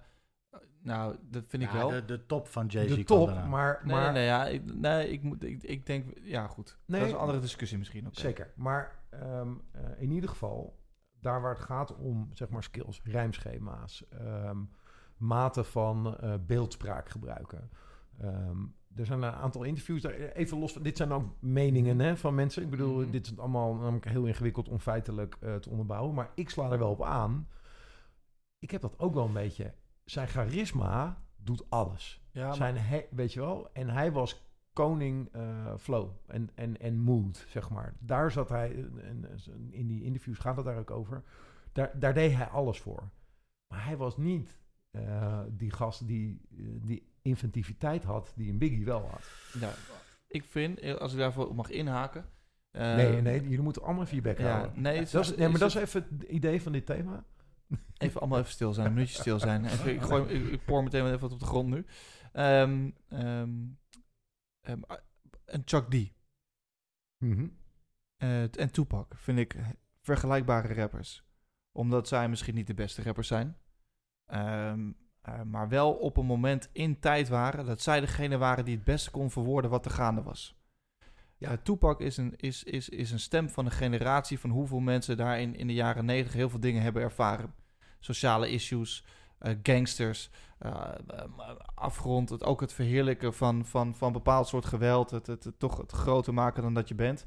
Hij was daar wel een key figure in. Er zijn mensen die zeggen dat eh, Ice Cube dat was op dat moment. Alleen die had vlak daarvoor een track uit ehm, waarin hij het had over het schoppen van een zwangere vrouw. En dat heeft zo'n backlash is dat geweest dat hij, eh, hij had, die had een groter imagoprobleem dan de charismatische Tupac. Ja, Die met natuurlijk gewoon uh, gelijksoortige boodschap. Tuurlijk. Ja, ja, tuurlijk. Maar wat ik bedoel te zeggen is, is, is als een Chuck D midden jaren negentig was ge- gaan rappen, ja. dan was hij misschien ook niet Chuck D geweest zoals hij toen was. Nee, fair enough. En ehm, ik denk dat Tupac op het tijd echt... Ik denk ook dat heel veel... Begin jaren 2000 zag je ook dat mensen wel een beetje klaar waren met die gangsterrap. Nadat Tupac dood waren, jaren 98, toen kwamen die shiny eh, suits bij al die rappers en dat soort dingen. Mensen waren ook op een gegeven moment ook wel echt wel klaar, omdat het... Maar hij was gewoon in die periode, in die tijd... Het had gewoon ook zijn tol geweest, hè? Ik bedoel, Ja. Tupac was dood en Biggie was Ja, dood. Dus ook- het had niet heel veel... eh, Maar ehm, ik vind dat Tupac wel kan hangen met zijn peers. grappig. Want als MC en ook als lyricist zit hij echt wel op dat level. En performer. Laten we even, even deze lines, hè. Mhm. I ain't a killer, but don't push me. Revenge is like the sweetest joy next to getting pussy. Picture paragraphs unloaded, wise words being quoted, peep the weakness in the rap game and sowed it. Alleen al die eerste vier bars van Ja. Hail Mary. Dat is... Ja, dat is... Dat is Ik krijg gewoon kippenvel als ik het nu zo hè, voorlees, voordraag. Die, die verse is zo dik. En als we dan zeg maar, hè, dit, dit, dit is Hail Mary, dat is een, een misschien wel oor-categorie eh Uh-huh. Tupac-track. Aha. Maar zo staat deze hele plaat vol met lines, eh, verses, bars Ja, die, ja, nee, die, maar- ja, die zo dik zijn. Eh, laten, we al, laten we nog even, en dan wil ik er nog eentje uitleggen, Me and My Girlfriend. Mhm. Me and My Girlfriend gaat uiteindelijk over zijn relatie met een wapen. Mhm. Dus de girlfriend is een metafoor voor een pistool. Daar kom je pas aan het einde van de track achter. Is natuurlijk op zich wel een hip-hop truc die vaker uitgehaald is, maar Pak doet hem wel heel nice. Ja. Ehm, en met die track heeft hij uiteindelijk een generatie beïnvloed, zeg maar. Want Eminem kwam met die Bonnie en Clyde shit. Ja. Dat komt door Me and My Girlfriend. Ja. Eh, eh, Jay-Z komt ook met die Bonnie en Clyde. Ook weer eh, door, zelfs met dezelfde sample. Sample, sample, ja. Ja. Om me aan te geven dat als, Ja. als we het hebben over... Nee, Oké, eh, maar wacht even. Dat zijn thema's. En, en, dat, en, en echt goed uitgewerkt. Uh, ontegenzeggelijk. Maar Ja. de... ehm, en ik haal vooral even citaten weer uit die passage uit het boek. Maar ook omdat ik het ermee eens ben. hm? Ehm, de, de, de gevatte grapjes van Jay-Z heeft hij niet zo. De dubbele lagen, de, de, de, eh, de onverwachte wendingen die een Biggie eh, in, in, in vier bars kan opbouwen, heeft hij niet zo. Ehm Nas vind ik helemaal wel op een ander niveau staan. Ook dat is smaak. Maar Hm. die kan echt wel eh, nog wat meer spirituele shit, zeg maar, eh, verwerken. In, zijn- kijk, het, het mooie aan Naast natuurlijk dat hij vaak... Die, die gebruikt zoveel beeldspraak. Ja, Ehm, dat, dat je... Bij Naast moet je altijd, zeg maar, de boodschap achter de lyric... eh, eh, Gokken. eh, ja, en, en eh, je, je, kan er een, je kan er zelf een soort betekenis aan geven. ja. En hij heeft er een betekenis bij. En het, weet je wel, dus dat is naas. Eh, dus oké. Maar, maar Park is, eh, Recht zijn- voor je raap. is, is Ja. recht voor je raap. En met zijn, met zijn skillset. eh, inderdaad, hij is niet funny. Hij is niet, eh, eh, weet je wel, hij is niet met, met heel veel beeldspraak. Maar hij is wel, als we het hebben over die lines die ik net voorlas, zeg maar zo, Ja. zo rauw Ja. en zo... Ja, en maar zo- we zijn het eens dat het werkt, hè? Ik bedoel... eh, ja, en daarbij, je moet ook niet vergeten, hij weet nog steeds, nog steeds eh, elk jaar nieuwe, nieuwe fans te, te creëren door wat hij deed. Dus wat hij deed, deed hij inderdaad zo overtuigend. En het Ja. voelde zo echt. Wij hebben het toch ook allemaal gevoeld. Wij waren, het, waren toch op een gegeven moment ook allemaal denken van... hé, hey, oh, die pak, daar moeten we iets mee, daar moeten we gaan onderzoeken, dat is dope. Hij is zo overtuigend eh, absoluut. met wat hij zei en ook met, met hoe hij het deed... dat ik denk wel, als, ik denk dat uiteindelijk de vraag gaat zijn... hoort hij bij een van de GOATs? ja, Dat zeer zeker. Ja, 100%. Maar eens. wat ik wel een spannende gedachte vind, is, is, is Pak een GOAT geworden omdat hij is overleden? Net als dat Biggie eh, Mhm. ook natuurlijk een GOAT is geworden, omdat op een bepaald moment waren zij, de- waren zij top, media, alles ging erover, East Coast, West Coast, whatever, whatever, whatever, whatever. Ze zijn wel gestopt op een hoogtepunt, vooralsnog. Als Tupac nog had geleefd, ik weet niet of die vraag van jou wou komen, maar had hij dat dan volgehouden? Of was het dan op een gegeven moment toch een rapper die, en, ja, eh, die op een gegeven moment, eh, zoals een Ice Cube of misschien als een Chuck D, of een Cares, gewoon op een gegeven moment in een bepaald moment Ja, stempel niet- kon drukken? En niet meer zo re- veel Nee. relevans brengt. En als je dat dan met een Biggie vergelijkt, denk ik dat een Biggie ehm, ehm, wel die skillset had om verhalen vertellen, te flowen op andere manieren. Ik denk dat een Jay-Z nooit Jay-Z was geweest als Biggie er nog was geweest. Snap je wat ik bedoel? Dat is weer een andere discussie. Zeker, en ook Maar- echt een interessante. Maar dat betekent wel dat eh, in mijn ogen een Biggie eh, eh, eh, langer longevity is lang nog meer succesvolle albums had kunnen droppen dan denk ik op een gegeven moment met een pak was het op een gegeven moment denk ik wel klaar geweest. Weet niet, man. Weet ik niet hoor, Ik- maar het is, ik- is kijk, misschien meer een vraag dan ja, de nee, conclusie van mij. Toen eh, Dr. Dre 2001 uitbracht, eh, toen kwam iedereen weer een soort van bij elkaar. En dat was best wel een ding, want daarvoor waren toch, hè, er waren wat fallouts geweest. En Dre had beef met Death Row. En eh, wat nou als Tupac op 2001 had gestaan? En wat nou als Tupac met Eminem was gaan samenwerken, weet je wel? Dus, dus er zijn zoveel... eh, ja, ifs. bizarre scenario's. Het zijn allemaal bedenken. scenario's te bedenken. Ja. Dus, dus en, en dan in de wetenschap dat die, de, dat vuur wat Pak had, die, die, die, die enorme werkethiek, plus het feit dat hij acteur was en Je hebt eh, gelijk zo- ook. Je hebt gelijk ook. Ik ben het helemaal met je eens. Het is ook, en en de day in hip-hop zijn wij ook fan.